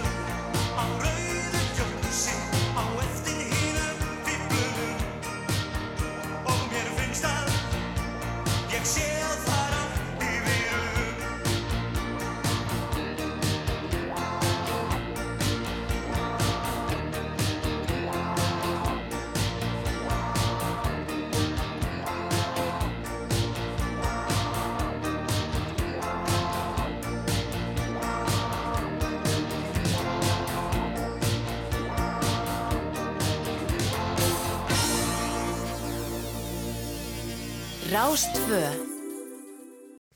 Já, gott fólk, áframhöldu við hérna í morgunkaffinu Björg og Gísli eru með hérna tollaran og hólmaran Já, hjá svo okkur hérna. Þetta er bara komið hérna á þessar nótur hjá okkur Já. En hvað segið þið? Þið eru komin í þáttinn morgunkaffið mm Mhm. Eru þið kaffifólk? Drekkið Já. þið mikið, Já, eru þið mikið í kaffinu? já Hvað, Mjög hvað, erum við mikið, að tala, hvað erum við að tala um? bara kaffi í bara alls konar myndum sko Já, það er ekkert, það er ekkert svona eitthvað snobb með það Nei, Þú ekki, ekki, þú hefur ekkert verið píligrinsferði í kaffinu hann í Suður Ameríku Nei. Nei. en reyndar sko ég kann að meta gott kaffi hvort ég geri, en á sama tíma líka bara elska ég bara kaffið í þú veist, um borði flugvelinni sko. Já. Heiðalega kaffi Ó, já, mér finnst það æðislegt. Stráng Já. heiðalega Jón, það er þetta Jóngnar, mjög ljóst gott sko. Jóngnar elska hans er besta uppáhaldskaffi mitt er flugvelakaffi Já, og þetta er sama kaffi og þú fær stundum á hótelum svona, þau veitir, þá færðu bref og svo færðu svona krímer líka í brefi Já, já. þetta er sama, þetta er sama fær- element. Færð þú þér kaffi á hótelherbyggjum? ég gera það stundum sko, já, já, já.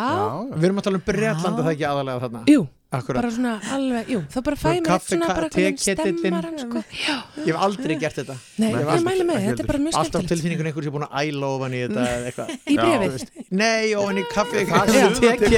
Suðan tekur það. Suðan eininni Suðu einar. Sko Já, en ég var ekkit mikill kaffimaður fyrir svona áður en ég kynntist bara uh, konunum minni, sko sem ég var, ég var með eitthvað svona hilkjavél og eitthvað svona en, Nei, svo Já, ég var, ég var bara og ég drakk kannski eitt kaffibóll í mánuði, sko. En Já, ég var bara þar, sko þú veist, og, eh, bara einhvern veginn svo ég var svona Tólf social bollar á kaff- ári. Eh, Já, þú veist, já, stundum meira. En svo er ég núna að vinna með sko mokkakönnuna já, uh, á gaseldavilni Einmitt. það er rosa mikið gamli vesturbærin sko og, hérna, og, og, og ég drekka alveg mjög mikið kaffi í dag sko og, og það er einhvern veginn bara veist, það er magna þegar ég náði mér í yngri konu þá, þá er hún einhvern veginn að skóla mig samt svo mikið til sko. Veist, er, ég, ég held að ég væri, væri svona einhvern veginn lífsreyndari sko einhvern veginn að hún er svo gömul sála, hún er búin að kenna mér svona hluti sko. Þetta er gaman að heyra. Já. Þetta er Viktoria Hermansdóttir Já. Tökuð hann bara fram. Sem hefur nú verið viðmælandi hér í þættinum. Já, hún, hún kom hérna bara í einna fyrstu þáttunum. Já. Og Smekkona á kaffi Já. og menn. Og Já. menn, kaffi og menn. Og grín. Eitt með þessar mokkakonur, mér var, mér var mér, það var sagt mér, Já. ekki alls fyrir löngu, sem að var svona svolítið leikbreytir, svo ég noti það nýjirði hér, Vá, flott breyti leiknum, að sem sagt að á þessum, á þessum þið veitir hvað við erum að meina með mokkakonur sem eru svona samanskrúaðar í Bietti, miðjunni, já. já, bietti, Já. að því mjög margir hella sér upp á í þessu og ég hefði gert það í mörg ár án þess að vita eftirfærandi, það er mjög mikilvægt að taka hana af hitanum og það er að segja slökku undir eða út á gashellu eða bara taka af hellunni um leið og hún byrjar að rópa Já. Það er bara nákvæmlega sem ég geri. Akkurat. Já, því að sumir, þú veist, af því það er ennþá að koma kaffi samt, Einmitt. þannig að menn svona freistast til þess að býða lengi Þá ertu En- farin að sjóða það Þá ertu farin að sjóða það Já. og það, þetta, eins og ég segi, leikbreytir Björn, Þú ert ekki bara að sjóða kaffið, heldur getur líka hreinlega verið að skemma könnuna. Líka það. Af því þetta er ál og það má ekki vera mikið hita þessu með engu vatni. Að, þannig að sko um leið og hún byrjar að heyrast í henni þá rífi hann af sko. Ég hugsa, ég hugsa alltaf til Sigmundur Davís því ég heyri minnst á þessar könnur og þegar það kom fram í Íslandi í dag viðtal við hann að hann hafi soðið uh, svona kjötbólur í þessari græju þegar hann var á námsárum í bara. Munið ekki eftir þessu Bara svona kjötbólur, bara Já, eitthvað notaði- bassa móni eða? notaði not, er að grínast Ég skil ekki hvernig hún- ég skil ekki hvernig hún þú gerir það. notaði já. hluta Sem könnunar pott. sem pott Herðu, hér ringi alla línur eða Setti lögmaður miðflokksins er hér á setti bara, herri, ég verð dregin næst fyrir hérastóm nei, hann sagði frá þessu Var hann bara með hrátt það kjötfass og æðislegt. setti hann í það mokkapönnu voru ekki til pottar sko. þannig að hann bara menn Já. Þannig að hann er bara verið bara með Herru. eina kjötbólu eða, er Svo bara svona, já, "Æ, hann hefur kaffi, kannski, nei, smá kannski kjötbragð." tróðið tveim, tveim. já, ég kannski verið þetta stærri kann, ég veit ekki Já, um þetta já, ég, já. svo er það magnað. nefnilega Ítalinn á eiginlega allar stærðir af könnum Hann á Mm. eina því fyrir er einn heima hellu Já.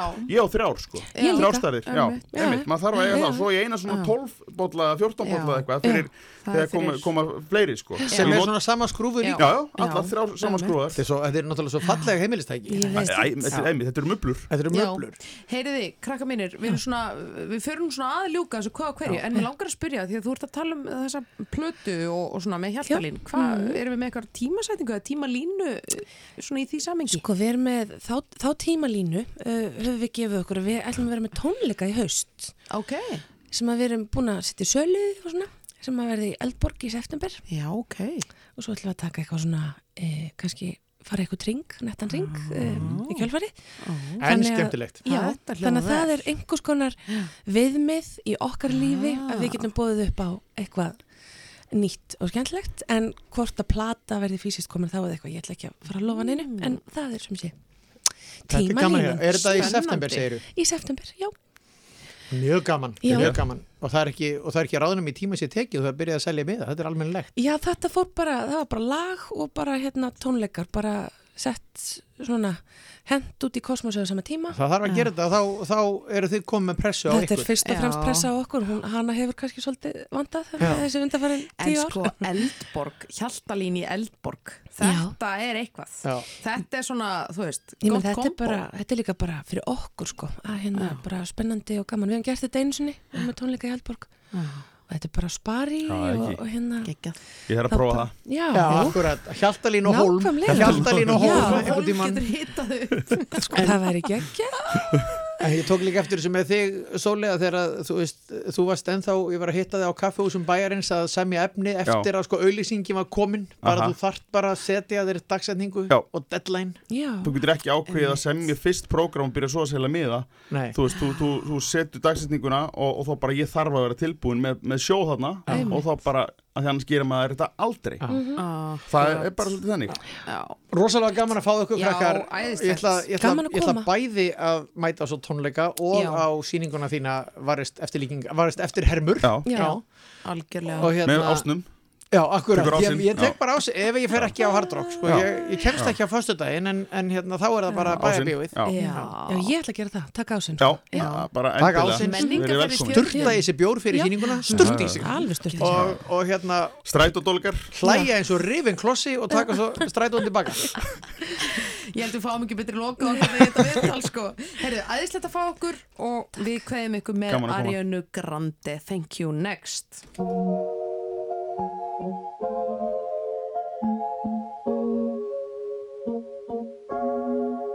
I'd end up with Sean, but it wasn't a match. Wrote some songs about Ricky, now I listen and laugh. Even almost got married, and for Pete I'm so thankful. Wish I could say thank you to Malcolm, cause he was an angel. One taught me love,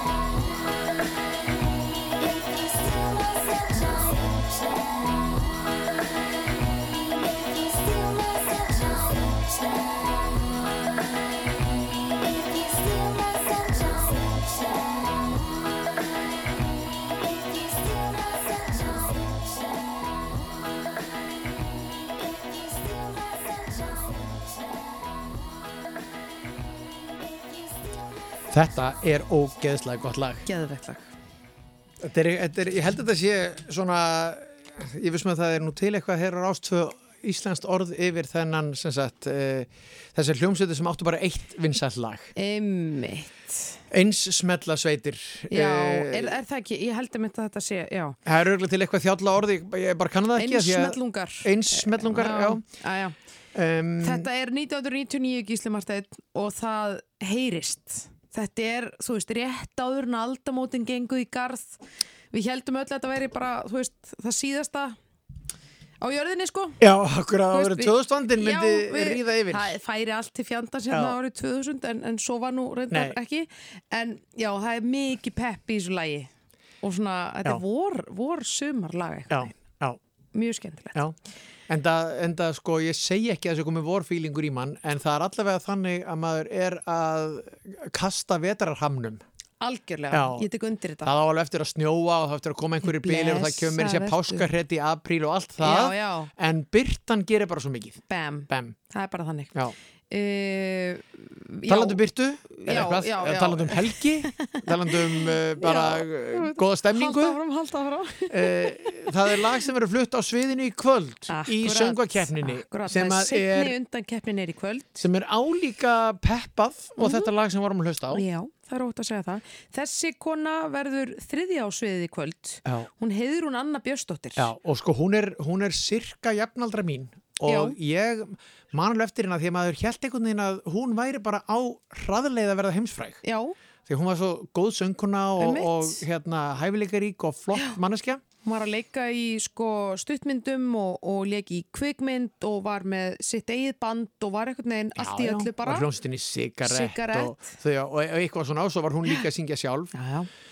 Og já, söng og einhvern veginn Mhm. var svona mikið, mikið að gera. Svo held ég bara að hún flutti til Lundúna og, og bara stofnaði fjölskyldu þar og, og við höfum svona minna heyrt frá henni en hún er Mhm. sem sagt lagasmiður þar og, og bara starfandi tónlistamæður. Mjög gaman að hún skuli sem koma hinga heim og taka þátt í. Al, algjörlega, hún segir það einmitt í viðtölum að, að hún hafa svona einhvern veginn alltaf ætlað að senda inn lag og svo er alltaf bara komið að Eurovision og söngakefninu og búið að velja allt það en í dag, já, í, ár þá, þá svona náðu hún að senda inn áður hún að skila fyrstunum rann út og það er lagið uh, Sunday Boy eða Helgi uh, með henni heiðrunu önnu Björnsdóttur. Já, sem að hérna, sem er mitt, ég held, menna að því hún er starfandi erlendis, þá, þá semur hún þetta lag sem ens, enskan texta, Sunday Boy, og, og það er því var snarað yfir í það að heita Helgi, sem ég hugsa nú að vísi til vikudagana, frekar heldur en Helga, Helga eitthvað, Helga Björns. Það er aldrei að vita. Aldrei að vita, en, en, hérna, en það sem er áhugaverð saga sem að ég heyrði hann einhver staðar segja er að hún var með tvö lög í takinu. Og annað lagið eh, er sem sagt eh, sem að, sem að er ekki, fór ekki inn í úslitin heldur, heldur þetta sem við ætlum að heyra núna. Já. er sem sé lag sem hún samdi og var næstum því orðið endurkomulag Spice Girls. Girls. Það er eitthvað lag sem Já. umbúðsmaður Spice Girls sagði bara þetta lag Já. er að fara að verða heimsfrægt. Einmitt. Og fyrir, fyrir heiðrunu hefði það náttúrulega þýtt bara, hún hefði ekki þurft að, hún hefði bara verið eins og gæjan henni bátt að bói þar sem pappa hans hafði samið eitthvað eitt jólalag og hann kann bara Einmitt. lifa það á Það stefntildunum. hefði orðið leikbreytir. Já, það hefði verið leikbreytir svo kallaður. já. En, ef, að, ef að Helgi kemst upp úr riðlinum í kvöld og verður úrslitunum næst og vinnur það og fer í, á Eurovision suðu úti þá getur það verið leikbreytir líka, hver veit? Já, nákvæmlega. Ef ekki bara smetla þess á fónin, uh, Helgi með heyrunu önnu Björnsdóttur gerir svo vel.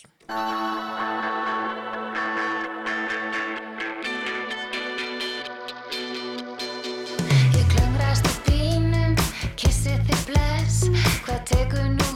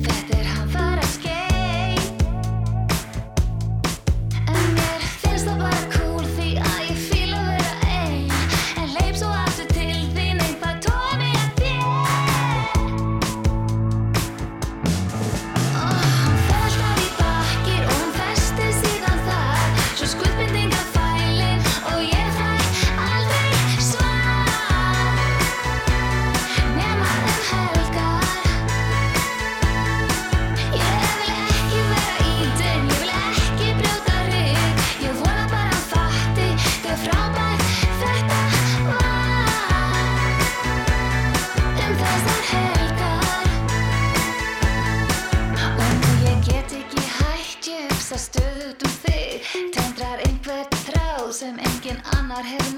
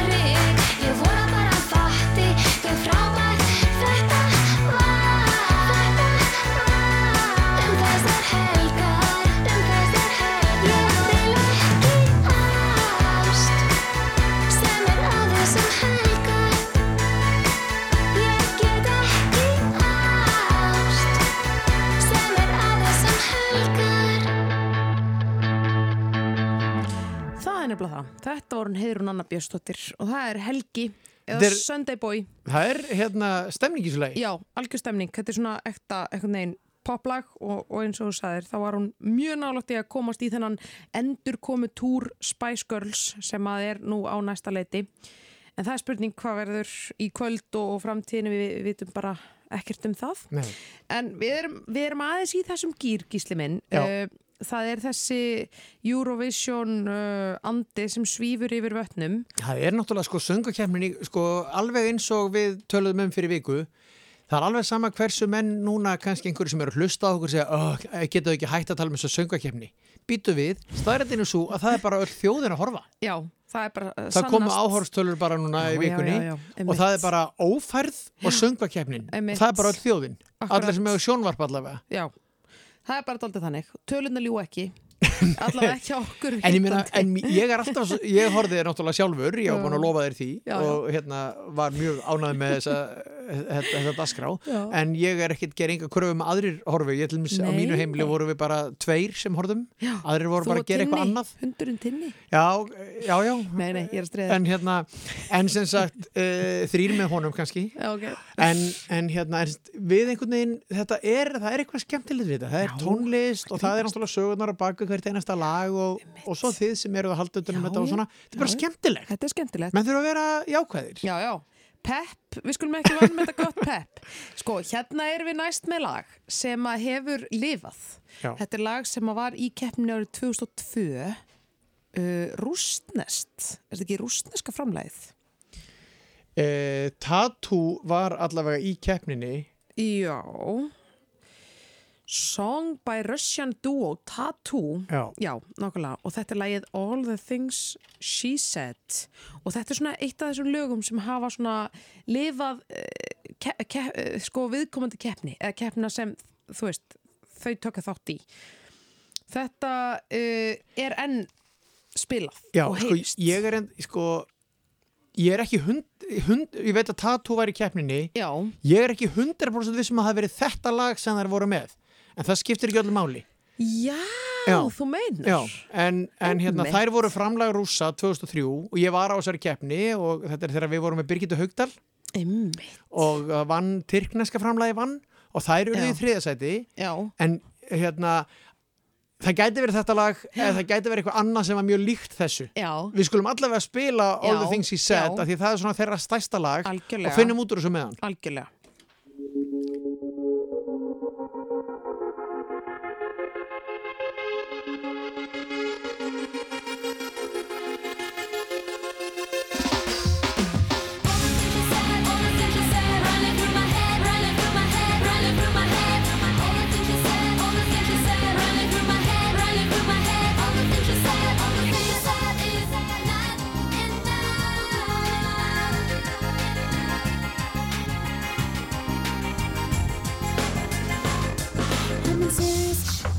totally lost if I'm asking for help.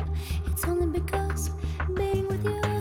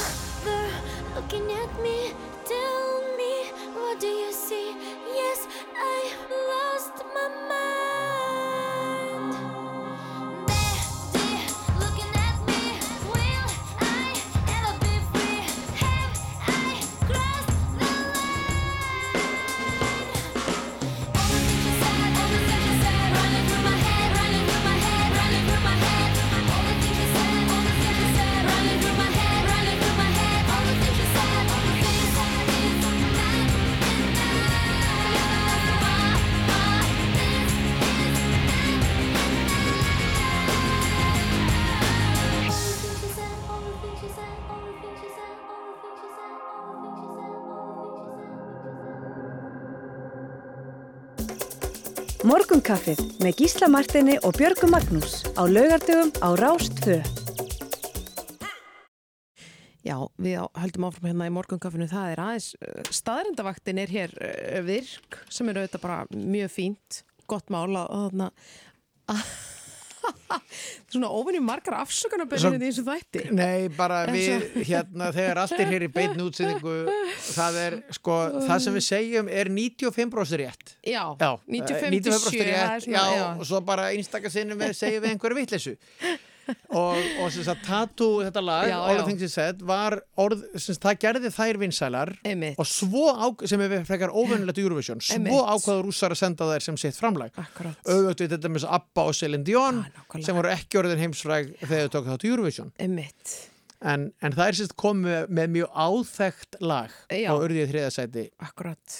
Og svona, það var smá svona, eitthvað neginn í kringum þær, svona, Já, það var, þær voru með þær voru með, þú veist, smá eins og þegar við vorum með eh, hérna Silvíu Nótt og Já, að- ef að hatari færi út og þá er svona, ú, eitthvað hérna, fá mikla aðtigli og sumum finnst þetta að vera eitthvað neginn oflátt Já. gengið en aðrir sjá einhverja íróni og húmor í því og eitthvað Já, svona. Þær voru aðeins þannig, ég var á blaðamannafundunum sem þær voru á einmitt. en svo kom nú einhver, að því ég fekk nú áhuga á þeim þú veist, í kjölfar þessa því að mér fannst þetta vera svona, mér fannst þetta svo þeim lið ekki vel Já. og svo hafa þær, tjáðu þeir sig svolítið eftir á að þetta var þú veist, þeim var uppálagt að þykjast vera lesbíur sem þær voru ekki og það var að reyna að búa til einhverja ímynd sem að var algjörlega fabrikheruð og hérna Skjön við, skjön við, skjön við raunveruleikann. Sannleikan, já.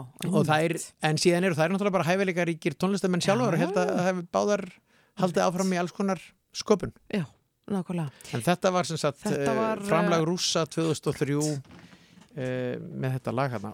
Já, Allt, allt sem hún sagði. Já, einmitt. Uh, við ætlum að breða okkur aðeins í, í íslenska gýrin. Þetta er eitt af já, alvinsalistu lögum síðustu mánaða hér á Rástvö og bara á landinu. Þetta er uh, vinnur okkar, Jónas Sig. sem við hringdum með í þegar hann Já. var að taka upp þetta myndband Já, alveg rétt, Já. alveg rétt. af því að þá vildum við ræða við hann um sólstrandagæðina Já, mannstu rángan mann og raungum stað og allt þetta. Já. Herði, en þetta er svona ekta laugardag, nú er komið Já. og þá þurfum við að fá fólk til að uh, byrja að hrista sig aðeins. þannig er, þannig er lag í bóðhætti Já, Já. þetta er bara skipun.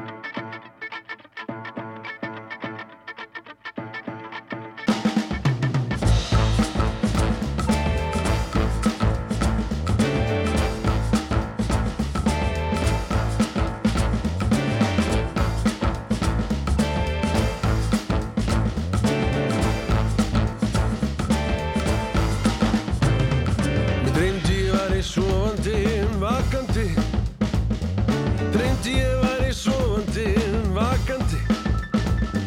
Rúna þungum maður segir Æskunni svo á eina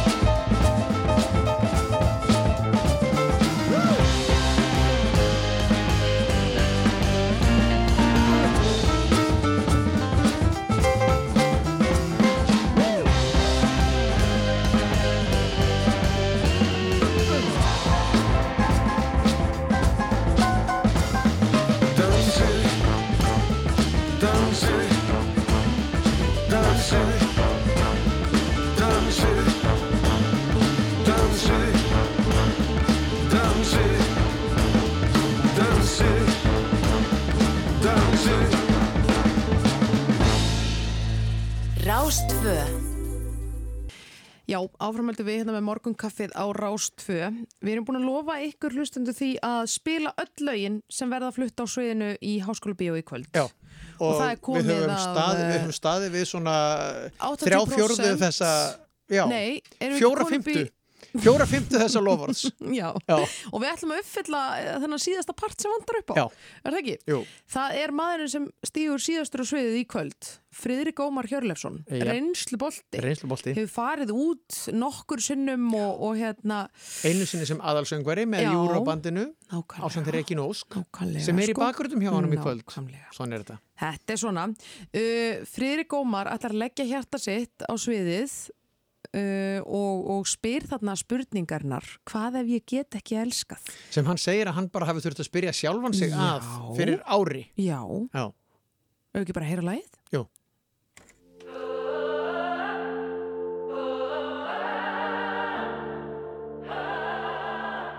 Það á að vera sjálfsagt og talið óskup eðlilegt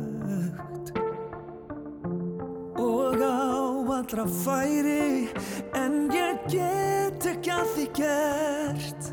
Þau segja mér hætt þessu drengur. Allir finni sína leið en ég stend einn í neyð. Ég spyr hvað ef ég get ekki elskað, ekki elskanleg Af öllum við hjart og lunga, finna allur til. Segðu mér hvað ef ég get ekki elskanleg ekki neinn. Það er eitthvað brotið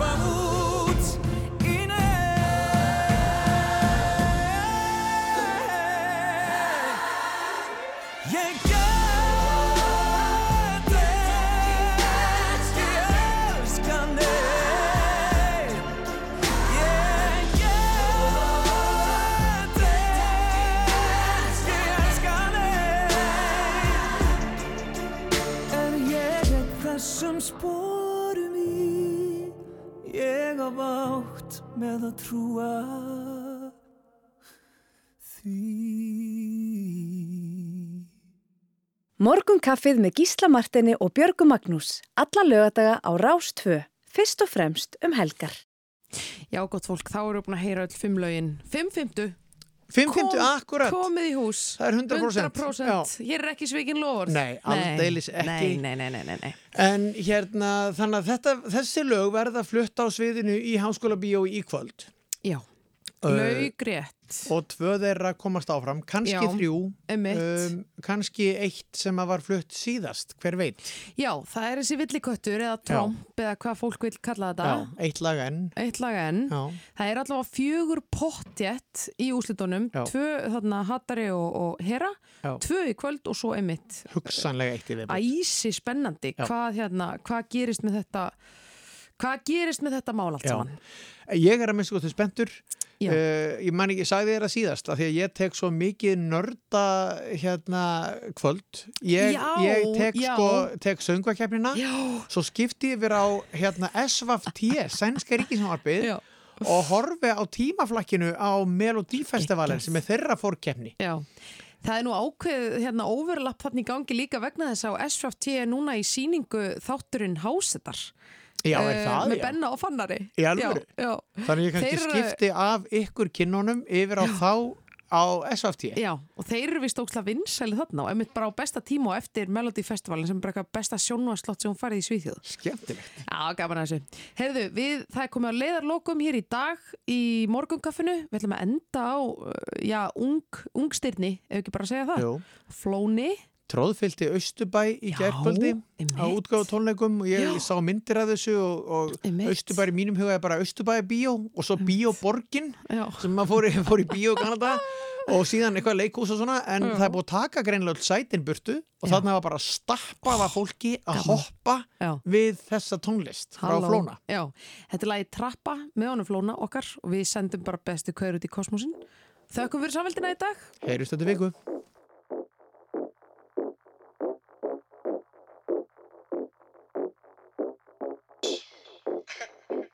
Já,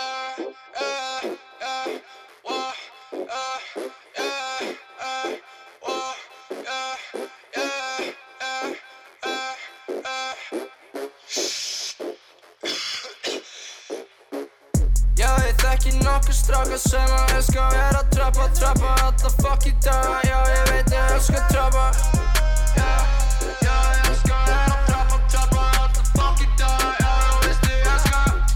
þekki nokkur strákar sem að elska að vera að trappa, trappa. Alla fuck í daga Já, ég veit ég elska að trappa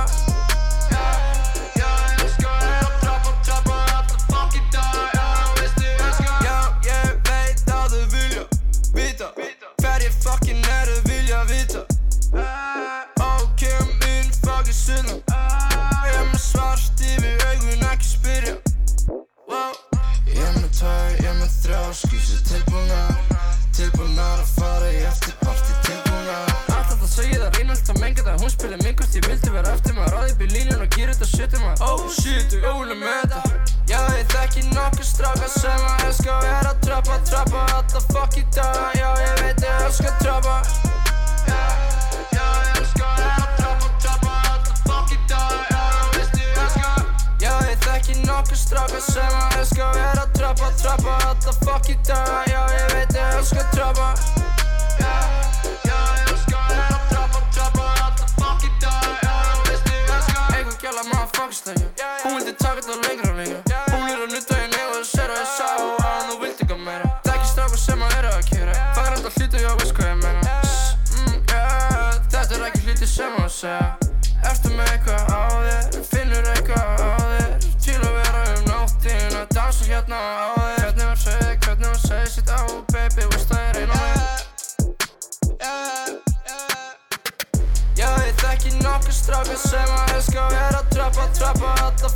daga Já, ég veit ég elska að trappa Já, já, ég að vera að trappa, trappa alla fuck í daga Já, þú veist ég elska Já, ég þekki nokkur strákar sem að elska að vera að trappa, trappa alla fuck í daga ég